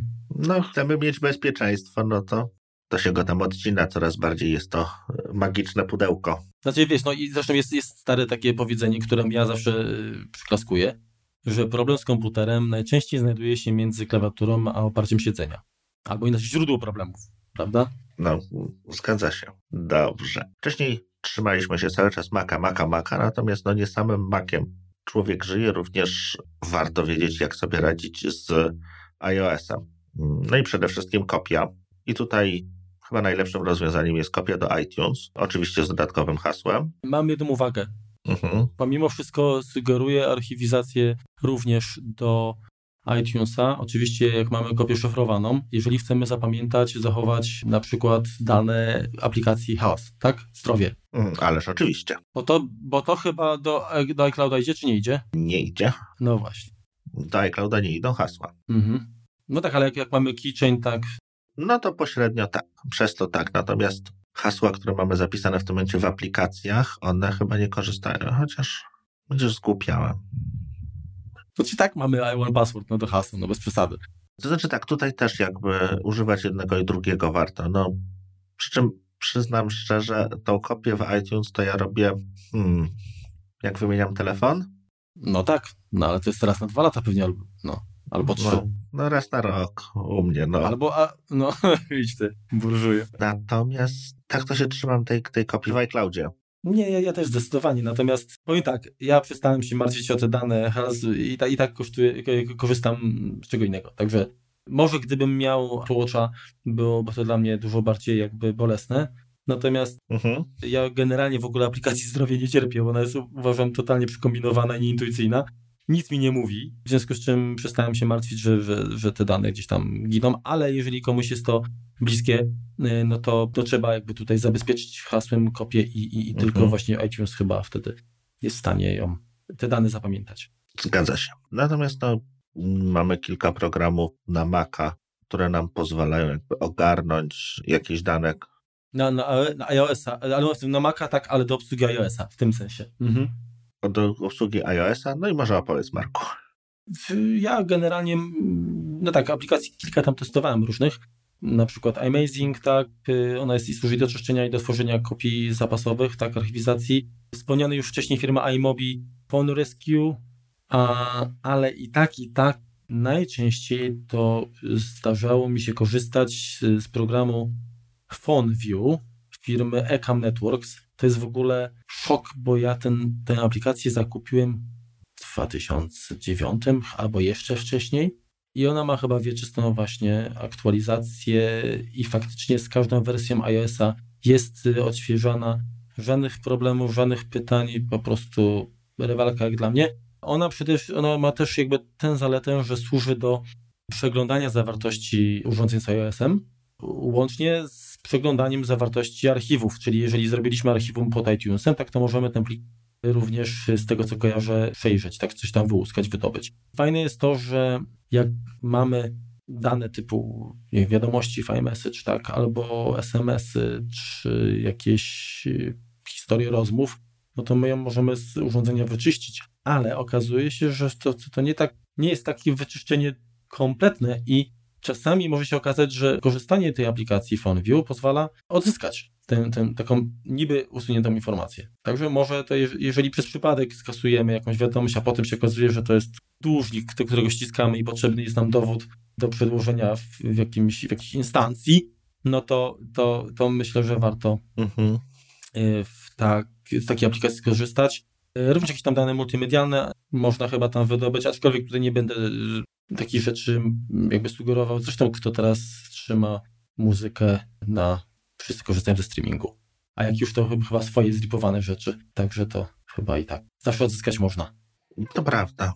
Natomiast kiedyś to rzeczywiście było tak, e, tu masz, co masz fajnego na, na tam iPod czy na, na iPhone'ie, no to tamto, tak? Daj skopiuję, no a jak, nie? No i był problem, tak? No bo oczywiście nie działa ten storage, tak? E, czyli ta przestrzeń dyskowa w urządzeniach iOS-em nie działa. Tak samo jak, jak pod Androidem, tak? Gdzie nie montuje się w systemie, nie mamy dostępu do folderów bezpośredniego. Pliki multimedialne, czyli tam muzyka, dzwonki i tak dalej, no gdzieś tam e, są schowane w niedostępnej dla użytkownika partycji, tak? Także nawet jeżeli mamy skonfigurowane urządzenie z OS-em w ten sposób, że jakaś przestrzeń dyskowa działa jako taki powiedzmy pendrive, no to akurat te dane, które z jakiegoś względu Apple uznało, że są zbyt wrażliwe, tak? Czyli, czyli powiedzmy muzyka no może być objęta prawami autorskimi, może mieć tam nie DRM i tak dalej. Kopiowanie do innego komputera, do innej biblioteki niesynchronizowanej może posłużyć jako pieractwo, no to takie, takie możliwości są, czy zostały wyeliminowane. To może takie płynne przejście Decipher Tools, czyli taki program też trochę do archiwizacji, trochę do czyszczenia. On umożliwia, w zależności od tam wersji, którą sobie wykupimy, natomiast w wersji darmowej umożliwia wyciągnięcie z backupu, który robimy w iTunesie, tylko informacji tych zdrowiu, tak? Czyli, czyli tam te nasze kółeczka pozamykane, czy mhm. Y, kroki, które zrobiliśmy. Mają też wersję taką, która potrafi wyciągnąć z tego backupu tylko wiadomości tekstowe, naprawić backup, który się tam iTunesowi psuje, czy ściągnąć jakiegoś tam voicemaila, którego mamy, czy... Czyli generalnie no, podobnie jak, jak to pozostałe narzędzia. Tak, tak, tak, tak. Mhm. Y, przy czym no, fajna jest opcja właśnie tego wyciągania zdrowia, bo on tworzy jak gdyby drugi backup, który jest tyci, bo w nim nie ma nic, tylko są informacje o zdrowiu. I w tym momencie, jeżeli uruchamiamy, jeżeli instalujemy iPhone'a od zera, to przywracamy tylko ten backup właśnie przez, przez iTunes. Mhm, a resztę powiedzmy na piechotę, czy tam wedle uznania sobie doda, do, dogrywamy. No to jest, jest to. Tak, ale o tyle śmieszne, że po odtworzeniu tego backupu on o wszystkie ustawienia, o wszystkie inne rzeczy pyta. Znaczy, wygląda tak, jakbyśmy tych danych nie mieli, czyli ta instalacja jest taka jak na jak świeżego użytkownika, czy, czy, czy po prostu bez, bez odtwarzania mm, kopii. Mhm. Strona Maca do czyszczenia e, iOS-a dwie takie jeszcze aplikacje się. Jedna nazywa Phone Clean, a właśnie firma iMobi, po raz trzeci chyba dzisiaj wymieniam. Mhm. I jest taka firma iMyPhone, bodajże UMate chyba się nazywa, ale nie tylko, jeszcze, jeszcze jedno zaraz powiem, bo nie chcę być gołosłowny. Deport, o, Deport i UMate, takie dwa narzędzia. To też ten yy, iMyPhone UMate służy do czyszczenia, a ten drugi chyba też właśnie do backupów, do archiwizacji. No, także, uh-huh. także wybór jest, jest dość, dość, spory. Natomiast na samym iOSie to jeszcze, jeszcze korzystam też z aplikacji Doctor Cleaner mm, Trend Micro. To mówię sporadycznie tam na zasadzie jak już powiedzmy co zabić czas nawet, odpalam, po prostu sprawdzam, coś tam odzyska, wyczyści i tak dalej. Swego czasu jakaś inna aplikacja, Battery Monitor chyba, czy coś takiego, już nie rozwijana. Mhm. Pod iOS-a też miała właśnie opcję czyszczenia, usuwania właśnie tam plików tymczasowych i tak dalej. Aczkolwiek e, sam iOS chyba dość dobrze sobie z tym radzi i zwłaszcza jak, jak chcemy zająć miejsce, tak, a tego miejsca już jest niewiele, to w tym momencie chyba uruchamiają się jakieś mechanizmy, które tam oczyszczają. Pamiętam, że właśnie ludzie robili w ten sposób, że jak już mieli mm, mało miejsca na dysku, to próbowali pobrać jakiś film. Im dłuższy, tym lepszy, tak. Im dłuższy, tym lepszy, tak, bo to powodowało, że oczywiście on tam się nie ściągnął z jakiegoś tam powodu, ale wcześniej jakby iOS przygotowywał tak miejsce, czyli robił tak jak mógł, y, usuwał to, co zbędne, mhm. tak, takie tam gusła różne odczyniał. Widzisz, znaczy to jeśli chodzi o, o generalnie czyszczenie, czy archiwizację, czy czy sprzątanie iOS-a. Znaczy, tak, archiwizację to tak jak mówiłem, no jak raz na rok ją wykonuję, no chyba, że mam akurat szalony pomysł zainstalowania bety, no to wtedy też jakby ten tą kopię do iTunesa zrobię. Natomiast ostatnio odzwyczaiłem się od tego, ale takich urządzeń, czy znaczy takich programów, które czyszczą, to to nie używam. Poza tym jednym Decipher Tools, ale to też w momencie migracji danych. A tak to, no kiedyś korzystałem z jakiegoś właśnie z iMazing, to się chyba FontView chyba na początku nazywało. No, no FontView jest od Ecam, to o tym ja mówiłem, a iMazing miał chyba samego początku taką nazwę, tylko to z tym iMazing i być może, czekaj, zobaczmy. Albo to możliwe, że po prostu najpierw używałem jednego, no, potem drugiego, natomiast tak. wiesz to teraz e, te programy przy połączeniu właśnie z telefonem to właściwie niewiele mogą zrobić, tak? Jest sandbox już na tyle, na tyle mocno uruchomiony na, tych, na, na iOSie, że no tam trudno, no kiedyś to sobie może mogliśmy nie wiem, jakieś grafiki w grze pozmieniać, tak? Mhm. No bo to były po prostu jakieś tam, jakieś tam pliki graficzne. Teraz jakby dostępu już do tego nie ma. No i w sumie i dobrze. Właściwie to wydaje mi się, że jak teraz generalnie, jak nie ma powodu do grzebania, to, to rzeczywiście to, to, to, to po co? Natomiast jak już jest problem to i tak chyba lepiej po prostu zrobić restore, tak, otworzyć Właśnie, i przywrócić kopię z tak. iClouda, tak, czy, czy nawet z archiwum na iPhone, ale chyba z iClouda lepiej, bo w tym momencie i tak zawsze mamy najświeższe chyba wersje aplikacji są pobierane z tego, co kojarzę. Mhm. Znaczy tak, no jeżeli mamy jakby problem z iOS-em, no to tak, pierwsze, no to y, może dziwnie zabrzmi, ale restart urządzenia czasem pomaga. No tak, tylko teraz właśnie, y, bo można wyłączyć i włączyć, a można przycisnąć yy, tak długo, aż się zrestartuje, tak jakby zrestartuje, zrestartuje. totalnie. I w tym momencie to on też chyba mhm. jakieś pliki tymczasowe, jakieś tam czyści i tak dalej. Jest to taki chyba nieco bardziej skuteczny. No tak, no nie jest to za miłe dla systemu, natomiast on potem bardziej sprząta, to prawda, tak. Następnie możemy otworzyć sobie kopię, którą mieliśmy zrobioną w iTunesie. Jeżeli to nie pomoże, to spróbować otworzyć kopię z iClouda. No pomiędzy tym wszystkim możemy jeszcze zresetować jakieś tam ustawienia sieciowe, jeżeli mamy z czymś konkretnie problem, tak na przykład, nie wiem, zaczyna nam rozłączać, czy, czy, czy z Wi-Fi, czy Bluetooth zaczyna dziwniej działać, albo rozmowy nam rozłącza, no to wtedy y, kasowanie tych ustawień sieciowych wcześniej. Słownik, kasowanie słownika klawiatury, jak nam już bzdury wychodzą, tak? Podpowiada. Tak, tak, tak, tak. Odtwarzanie kopii z iTunes też. Przy czym mm, dobrym pomysłem jest zrobienie, jeżeli już mamy te kopie, to między innymi restore systemu, czyli przez DFU, czyli w tym momencie jakby zapisanie systemu na nowo. No to jest tam kwestia odświeżenia flesza, czy, czy generalnie takiego już wysprzątania na maksa, nazwijmy to.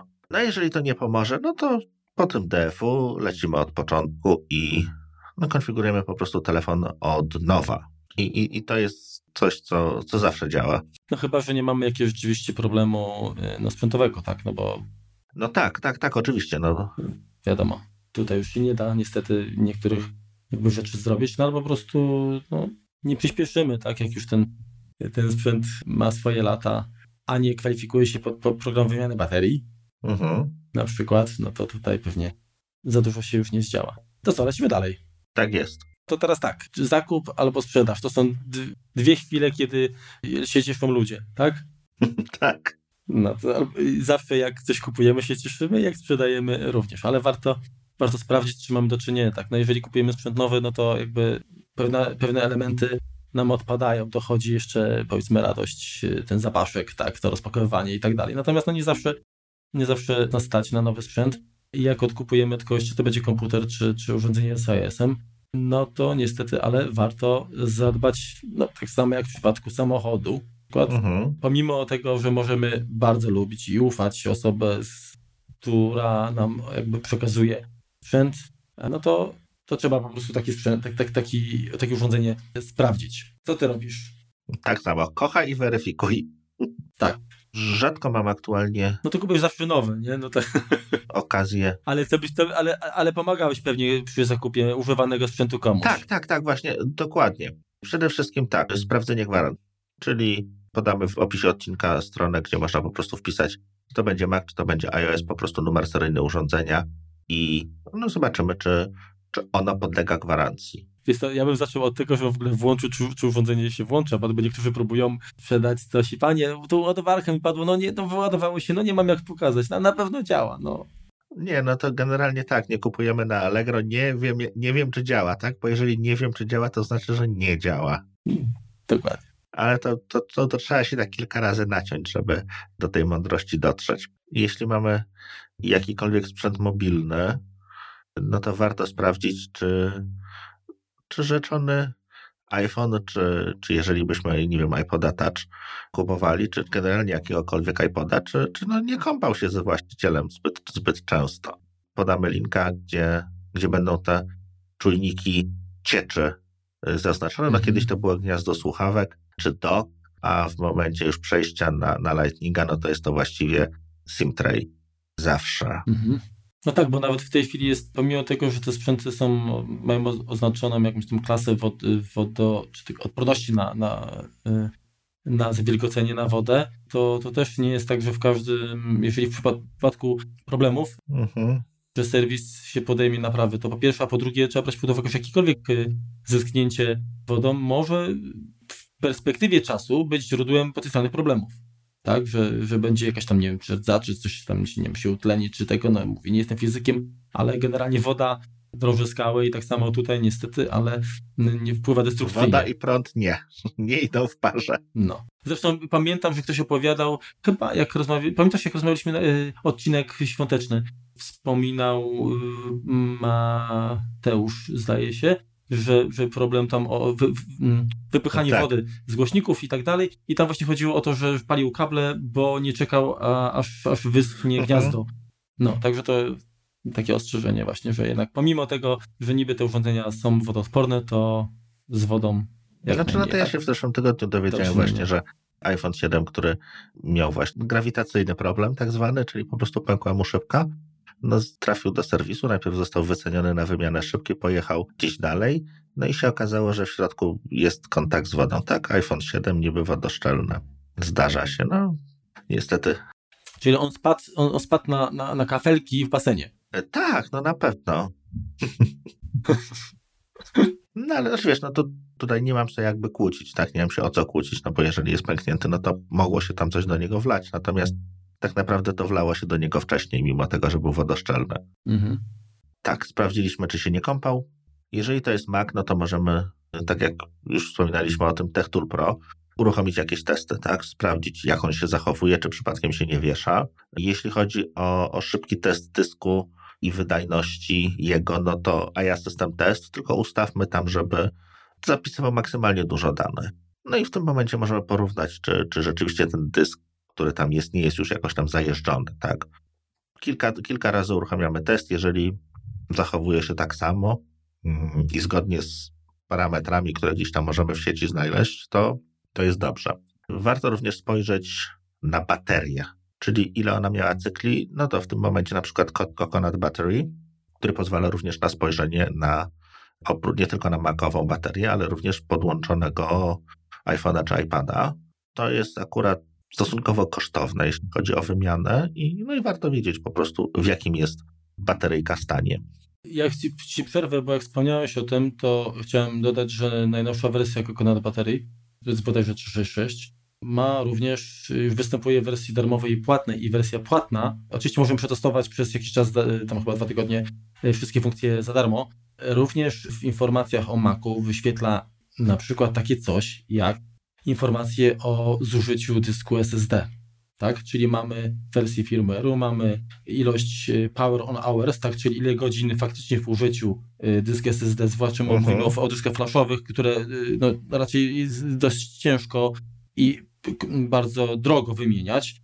Mamy ilość w ogóle załączeń, tak? czyli power cycles. Mamy informacje o tym, jaki jest stopień zużycia, tak? O, taki powiedzmy uh-huh. ogólny, czyli lifetime used, no i mamy informację o tym, ile danych w ogóle było zapisane na, na, taki, na takim dysku. Ja mam dysk 512, tak, y, gigabajtów i się okazuje, że od początku, jak korzystam z niego, zapisałem 25,3 terabajta danych. W bym się nie spodziewał. To, to muszę sprawdzić u siebie. Natomiast, tak jak już mówimy, to, to również yy, jeśli chodzi o wgląd baterię, mamy w iStat Menus, no i tutaj dla przykładu, no moja bateria, która jest powiedzmy, no troszkę ponad rok ma, aktualnie ma 98% żywotności i 143 cykle, więc e, bez używania żadnych usprawniaczy, naprawiaczy czy, czy innych, więc e, myślę, że do czasu, kiedy ten komputer będę wymieniał, to swobodnie mi posłuży bez, jakichś tam większych uszczerbków. Tych, tych, tych programów do testowania wydajności tak, i, i ewentualnego spadku jest sporo. Tak można nawet się posikować zwykłymi takimi benchmarkami typu Geekbench czy Cinebench, tak? Bo to też ma jakieś. Znaczy przede wszystkim, jeżeli kupujemy sprzęt, wymieniamy, tak? Mieliśmy jakiegoś MacBooka, kupujemy nowszego, no to jeżeli zrobimy na swoim takie testy, a później na tym nowym, który potencjalnie wydaje się, że będzie niesamowitym skokiem, no to te wyniki mogą nam dać jakiś, jakiś no tutaj ogląd, czy rzeczywiście tak będzie, czy może, może jednak lepiej dołożyć i kupić jednak jeszcze coś szybszego, mocniejszego, tak? Żeby to nie było, że na papierze, czy powiedzmy efekt placebo jest ok, a w rzeczywistości to niestety tak różowo nie będzie. No to prawda. Jeśli chodzi o, też wspominałeś o, o tym, o ilość zapisanych danych, to warto zwrócić mhm. uwagę na to, że aktualnie producenci dysków SSD określają, tak jak masz w samochodzie, jak kupujesz samochód, to masz gwarancję tam roczną albo na ileś tam tysięcy kilometrów. Tak? Jeśli chodzi o, o dysk twardy, no to masz gwarancję czasową i ilości zapisanych danych.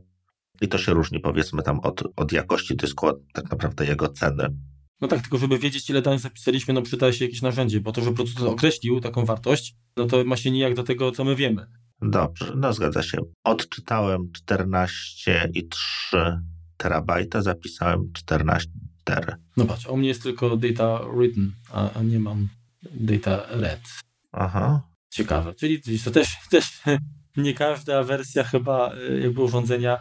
Pewnie, pewnie to trzyma, tak. No to, to jest właściwie taki pewnie tak jak, jak smart, tak? W dyskach to, to pewnie w zależności od firmware'u może albo wersji urządzenia troszeczkę ta, ten zestaw informacji jest różny. No to chyba jeżeli chodzi o, o zakup, no to też no, generalnie woda, trzeba sprawdzić mechanicznie, tak? No nie, bo to, to wspominałem faktycznie, ale, ale właśnie, ja myślę, że nie tylko mechanicznie, y, to jest to, co, na, na, wiesz to, jak, jak ja kupuję, to, to generalnie, wiesz, no sprawdzam, działa, jak działa i w ogóle, a na przykład oddając iPada do, do serwisu, coś mnie tknęło, że tak nie do końca jakby wnikliwie przyglądałem się sprzętom, natomiast człowiek, który odbierał, robił tak naprawdę wszystko, czyli zrobił zdjęcie, nagrał głos, y, sprawdzał właśnie, czy, czy ostrzy i tak dalej, czy tam, nie wiem, nie lata nic w środku. Naprawdę każdy aspekt, czy działa dotyk, mhm. Y, nie, czy, czy, jak, jak właśnie przycisk reaguje. Także to zajęło tam parę minut dobrych, zanim on przetestował wszystkie, wszystkie możliwości. Y, I myślę, że, że trzeba takie coś po prostu robić. Jak kupujemy używany sprzęt, to nie ma bata. I to nie jest na zasadzie, że odkrywamy coś później po fakcie, bo to oczywiście już nic tam nic nie da, tak? bo już nie będziemy się boksować przecież ze sprzedawcą, tylko po prostu trzeba nawet sobie przygotować listę, myślę, sprawdzić to, to, to, to, to, to, tamto, tak i odkreślać. Mhm. No i, i tyle. Jeżeli ten sprzęt będzie sprawny, no to będzie mniejsze ryzyko zaskoczenia takiego nieprzyjemnego w, no, w przyszłości, tak? No bo najczęściej tak jest, że kupujemy, się cieszymy, a, a tydzień później jakieś zaczynają się problemy. No tak, jeżeli chodzi o ekran, no to też jest kwestia tego, czy mamy jakiś tam hot czy, czy cold pixela, to tutaj też podlinkujemy. Mhm. No tak, czyli trzeba wyświetlić y, wszystkie podstawowe kolory, tak?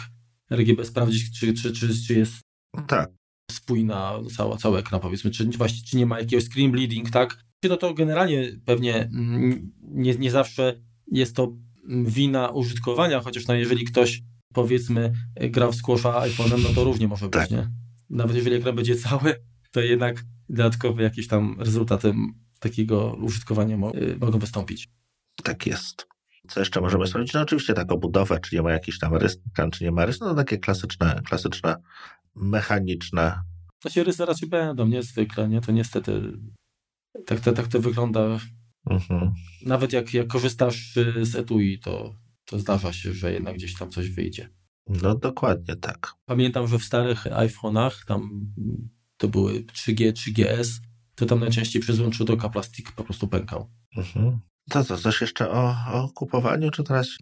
Ja myślę, że źródło, tak? Y, tak samo jak samochód ma numer WIN, tak samo y, mamy numer seryjny, no i właśnie nawet jak sprawdzimy urządzenie pod względem gwarancji, to myślę, że, że, że warto też po prostu sprawdzić. Mhm. Znaczy, oczywiście nie wiem, czy, czy na, na stronie Proski chyba też można y, znaleźć, jaka jest dystrybucja, czyli jakim kanałem trafił na rynek. Znaczy tak, no przede wszystkim no, warto. Y, bo to jest też, no. Otrzymać jakiś dowód zakupu, tak? To, to no, nas dokładnie, czyli właśnie, jeżeli nie mamy pudełka, w jakiś tam nie sposób chroni przed kupnem no, czegoś, to po prostu jest kradzione. No tak, no, no, no nazywamy życie po imieniu. Także, także równie, równie z tym bywa. No jeżeli dostajemy, nie wiem, paragon, fakturkę, tam, nie wiem, pudełko, komplet, wszystko, no to daje jakiś ogląd też na temat użytkownika, tak? No dla mnie, u mnie to jakby wzbudza zaufanie, tak? No nie, nie wiem, czy, czy się rozwinęło, tak jak w przypadku samochodów, y, firmy, które, nie wiem, robią książki serwisowe i tak dalej, czy, czy robią podobne rzeczy, taką konfekcję jakby do, do tego, żeby upłynniać le, lewe urządzenia z jabłuszkiem. Może tak, ale no jakoś tak, myślę, że chyba jakość wykonania tego znacząco by różniła się od tego, do czego przyzwyczaił nas y, Apple. To wiesz, to takie może wstydliwe wyznania twojego pierwszego laptopa kupiłem kiedyś na, na giełdzie komputerowej na Grzybowskiej, no bo takie czasy, no studenty jakby nie śmierdział pieniędzmi. To był, to było chyba Vajo, Sony Vajo, jak, ale no, mm. No też jakby miał niemiecką klawiaturę, miał tam jakiś system dziwnie, dziwny zainstalowany, chyba nawet nie po niemiecku, tylko po austriacku. No i tak no, zadowolony kupiłem ten komputer, z torbą był, no i później jak to zajrzałem do tej torby, no to się okazało, że w torbie były e, resztki mm, szyby z jakiegoś samochodu. No, taki był on uż, używany. No, czyli crash test przeszedł. E, to ja właściwie jedynego Maca, który kupiłem używany, to był e, iBook G4. Mhm. No nie, przepraszam, dwa komputery był iBook G4, ale był faktycznie używany w sensie, no eksploatowany był, natomiast nie, nie był zniszczony na, na, tyle, żeby jakoś tam powiedzmy moje shui mhm. zaburzał. E, po prostu tam po kilku miesiącach ktoś go tam przywiózł chyba właśnie z Belgii nawet, pamiętam, że tam jakąś wtyczkę musiałem specjalną szykować, o, o, niby europejska, ale, ale trochę, trochę się różniła. Mm, natomiast był w pełni sprawny nie, i, i, i, mi służył dość długo. A drugi komputer używany, tylko że używany było tyle, że miał jeden cykl y, w ogóle ładowania. Tak, także to był po prostu mhm. leżak jakiś, no ale, ale nie był nowy, można powiedzieć, w sensie, że, że nie, nie ze sklepu. To był MacBook Core Duo, taki białasek. A tak, no to generalnie, jak i te jednak wolę nawet powiedzmy przepłacić, a zakupić coś z gwarancją, dlatego że no kupuję na lata, tak? To jest moje narzędzie pracy. No tak, jeśli, jeśli kupujecie cokolwiek z 2016 roku i nowsze, sprawdźcie, czy klawiatura dobrze działa. Zresztą w innych też, natomiast no tutaj Tutaj jest problem klawiatury o tyle bolesny, że wymiana top case'a to jest chyba 1700 zł po gwarancji, więc to nie jest najciekawsze rozwiązanie finansowo. Mhm. No to może teraz opowiedzmy, opowiedz może Marku, co, co, co robisz, jeśli pozbywasz się jakiegoś urządzenia, czy, czy Maca, czy, czy czegoś z iOS-em? No pierwsze co to oczywiście robię kopie zapasowe danych, no bo będę potrzebował je na nowym sprzęcie, mhm. tak? Druga sprawa, no to czyszczę kompletnie dysk, ale zanim to zrobię, to oczywiście na działającym systemie wylogowuję się ze wszystkich możliwych kont. Tak, ale przede wszystkim z iClouda i usług typu FaceTime, Find My Mac, Find My iPhone, iMessages. Poza tym wchodzę też na konto właśnie iCloud i tam najczęściej te urządzenia są dodane jeszcze i też je usuwam stamtąd dlatego że mm, tym problemu nie było, natomiast y, pamiętam, że ktoś kupił mm, iPhone'a, który nie był odpięty od konta iCloud i był problem, tak, bo nawet można było zrobić restore, mhm. tak, ale po wejściu, ta, po, po wejściu, no mówię, po, po zrobieniu totalnego restora w trybie DF-u, po uruchomieniu systemu, on przy konfiguracji po prostu cały czas wołał y, login i hasło do tego konta Apple ID no i trzeba było niestety, ale stanąć troszkę na rzęsach, żeby te dane zdobyć. Także to jest, to jest tak, tak zwana blokada iCloud, tak? Często na różnych giełdach y, czy, czy y, aukcjach zdarza się, ktoś pisze tak właśnie, że nie ma blokady iCloud i tak dalej. No to jest jakby warto zwrócić na to uwagę, bo ktoś powie, super jest sprzęt w ogóle działający, tylko, tylko dostałem od y, kuzyna, kuzyn wyjechał za granicę, nie mam kontaktu, i nie, ma, nie mogę teraz zdjąć tej, tej, tej blokady, ale to tam w serwisie panu zrobią. Guzik zrobią, nic nie zrobią. Apple też nie zrobi, się wypnie, bo to jest dla nich dowód, że, że no jeżeli nie mamy, nie my nie możemy siebie zweryfikować jako, jako, jako właścicieli y, konta iCloud. Sprzęt jest ciepły. To urządzenie nie jest po prostu nasze. Tak. Także nigdy nie dajcie się na takie coś nabrać. Także ja to usuwam oczywiście, bo nie chcę, żeby ktoś miał problemy. Co więcej. Warto też jeszcze, jak już jesteśmy przy wylogowywaniu, wylogować e, z tego, co mamy tam abonamentowe, czyli właśnie tak, tak, ale to, to mówię, mówię, wszystkie, wszystkie jakiekolwiek konta staram się, tak, natomiast położyłem na, na, największy nacisk na, na te polskie z uwagi jakby na, na problemy ewentualnej później aktywacji. Ale również tam Parallels, czy, czy Setup, Creative Cloud, TeamViewer, to wszystko, które... A tak, wiem o co ci chodzi, tak, bo są, są konta, które są przypisane do komputera, tak samo jest na przykład w aplikacji Air Server, tak, czyli, czyli ten odbiornik AirPlay na Macu, on jest przypisany do urządzenia, czyli my musimy najpierw zdeaktywować aplikację, czyli jakby od, y, odpisać to urządzenie, tak, i, i potem możemy ją aktywować licencję na, na, na nowym. Także tak, dokładnie y, słusznie y, zauważyłeś, że warto się. To znaczy, bardzo często producenci umożliwiają później deaktywację tego lub tak, ale to jest dodatkowy problem. problem. Czyli czasem trzeba to załatwiać to telefonicznie. Czasem wystarczy maila napisać, udowodnić, tak. Bo, ale, ale po co, jak można to zrobić? To należy zrobić, oczywiście. i bez zawracania gitary. Mhm. Dokładnie. No i oczywiście instaluję system na, na czysto. Co więcej, czyszczenie dysku, no to pytanie, jakie tam mamy dane wrażliwe. Albo też komu sprzedajemy. Albo komu tak, sprzedajemy jeżeli to gdzieś tak. idzie w rodzinie, no to, to jakby łatwiej im będzie pobrać te dane z bieżącego systemu, tak? Natomiast no tutaj jakby Disk Utility załatwia na szczęście jeszcze to. Na nadpisywanie, tak? Opcję, nadpisywanie, mhm. tak. Jeśli mamy SSD, no to wystarczy je wyzerować. Jeżeli mamy dysk twardy, taki rotujący, no to i, i przy okazji mamy paranoję, no to możemy 7 razy jakby zapisać tam dane, jest, jest taka opcja jeszcze. Natomiast jeżeli używaliśmy Firevolta, jeżeli używamy Firevolta, e, no to nie musimy, no bo tak i tak te dane są tam scrambled, mhm. one są zaszyfrowane, więc nawet jeżeli ktoś tam je odczyta, to jest, jest, jeszcze, jest jeszcze jedna opcja, jak kogoś lubimy bardzo, tak, to możemy mm, zasugerować, że na przykład, słuchaj, y, oczywiście to jeszcze to zależy od tego, jakiego typu to jest komputer, tak, z y, MacBooka stosunkowo nowego z pamięcią flash SSD, no to tutaj i brzydko kolokwialnie dupa, tak nic nie zrobimy. Natomiast w przypadku starszego komputera, czy jakiegoś, nie wiem, desktopa, gdzie jest właśnie dysk SSD, ale taki wymienny albo, albo yy, obrotowy, no to zwłaszcza jak jeżeli to jest jeszcze dysk talerzowy, to możemy sobie zasugerować, słuchaj, zróbmy tak, ja ci opuszczę, nie wiem, tam 100-200 zł, tak, wyjmę ten dysk ze środka, zainstaluję ci nowy, ty kup, ja ci sugeruję od razu idź w kierunku SSD, tak, kup sobie tak, jaki byś chciał, ja ci zainstaluję system na nowo mhm. i co, co zyskujemy? Klient nowy dostaje no, zupełnie nową jakość, tak? On troszkę powiedzmy więcej dopłaca, ale ma e, dużo sprawniej chodzący sprzęt, a my mamy dysk, który możemy włożyć w obudowę. Odpada nam robota z tworzeniem kopii, z napisywaniem tego i tak dalej. Mamy po prostu jakąś tam dodatkowe, no kopię zapasową po prostu.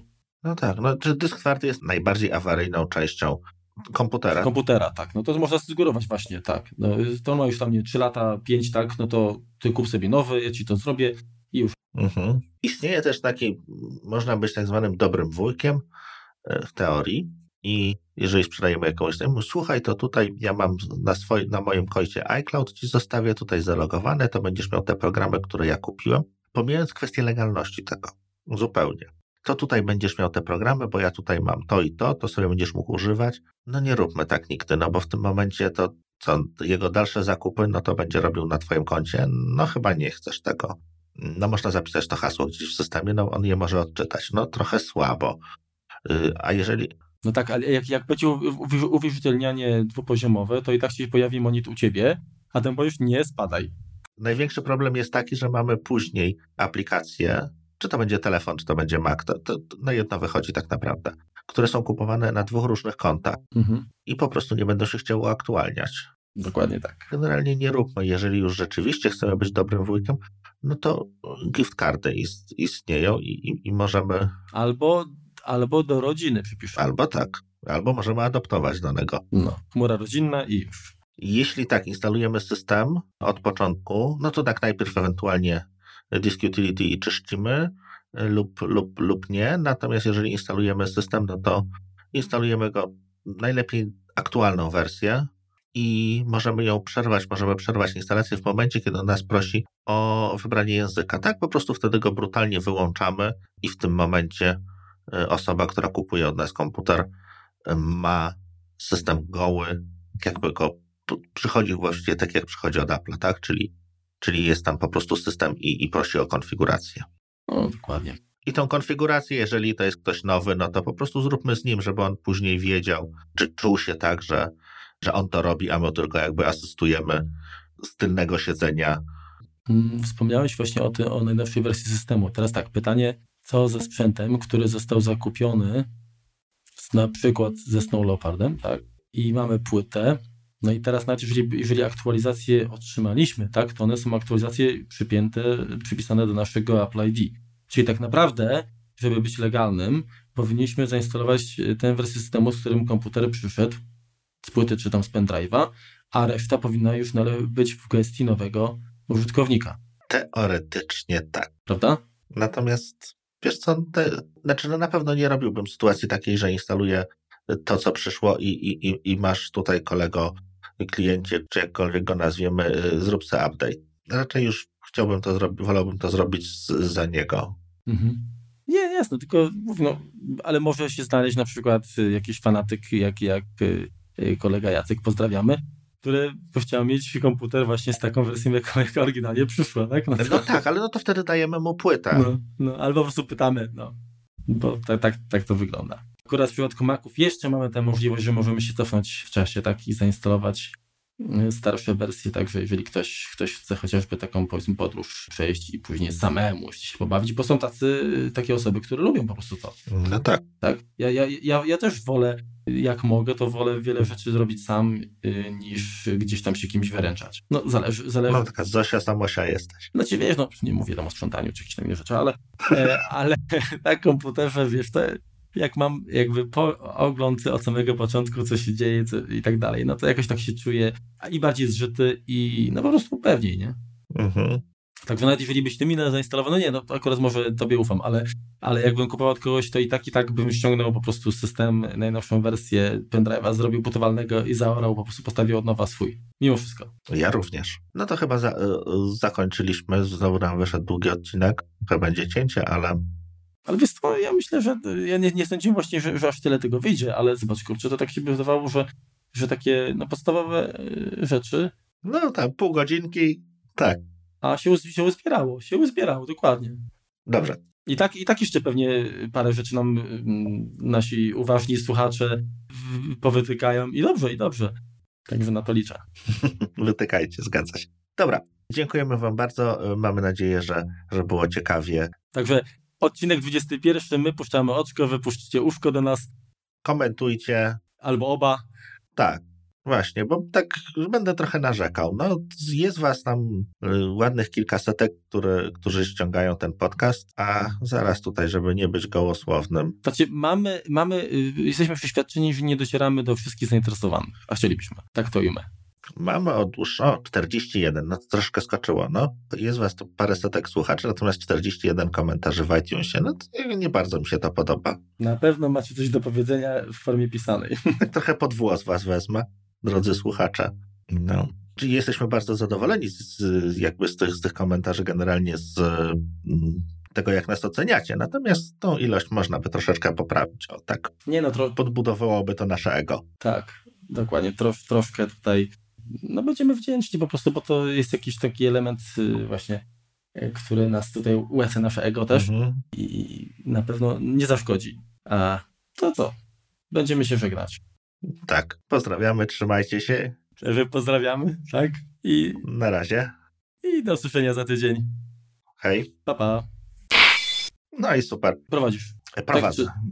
No, no, jak tam, no. jak tam nie, chcesz. Nie, działa, działa, działa. Ja się... Ale ty będziesz więcej gadał w tym odcinku, podejrzewam. Nie się okaże, ale to wiesz, no, generalnie flow masz lepszy, no. E, Oj, jeżeli chodzi o prowadzenie. Mhm, tak, flow to ma, dobra, jak się wodę spuści. Wtedy masz flash. Widzisz, już mamy bloopersy, jeśli zaczęliśmy. Razu, Oczko, oczko, także puszczamy oczko. Hmm, bez sensu. Dobrze, pójdę zamknąć okno. Mhm. to może jeszcze opowiem o czym, o czym, o czym, o czym o. Czekaj, coś chciałem właśnie powiedzieć, dodać, a właśnie nie Chyba, że mamy Firevolta i do niego zapomnieliśmy. Nie Firevolta, tylko jak to się nazywa? Y, Firevolt. Tak. Czy, chyba, że mamy Firevolta. Y, no i zap... To jest file, file od pliku, nie od, nie od, od ognia. No właśnie, tak wiedziałem, że coś źle mówię. Dobra, to powiem jeszcze raz, bo to... Co tam jeszcze używam? Używam, używam, używam? No chyba tyle. To jest... Czekaj, nie, nie odpuścimy. Już nie pamiętam, jak zacząłem. Karbonkropy to... Karbon... Karbon klopy, tak? Karbon klopy, tak. To znaczy się, wiesz to, ale poczekaj, poczekaj, poczekaj. Tutaj on oczywiście... Ym... To przed... No, spoko tam. Ja już no nie, mówię spokojnie, tam w sumie nad nie czy, czy wiesz, jak, jakbyś okazało się, że gdzieś tam się zakałpyczkałem i, i gadałem głupoty, to, to, to, to wytniesz. Wiesz co, jeszcze był jakiś taki program, którego teraz nie mogę znaleźć. Mm. I my phone. Mm, wybiłem się i widzisz, bo się pogubiłem. Mhm, okej, okej. E, drukarka mi ożyła, moment, już. Ona tak w nocy też robi.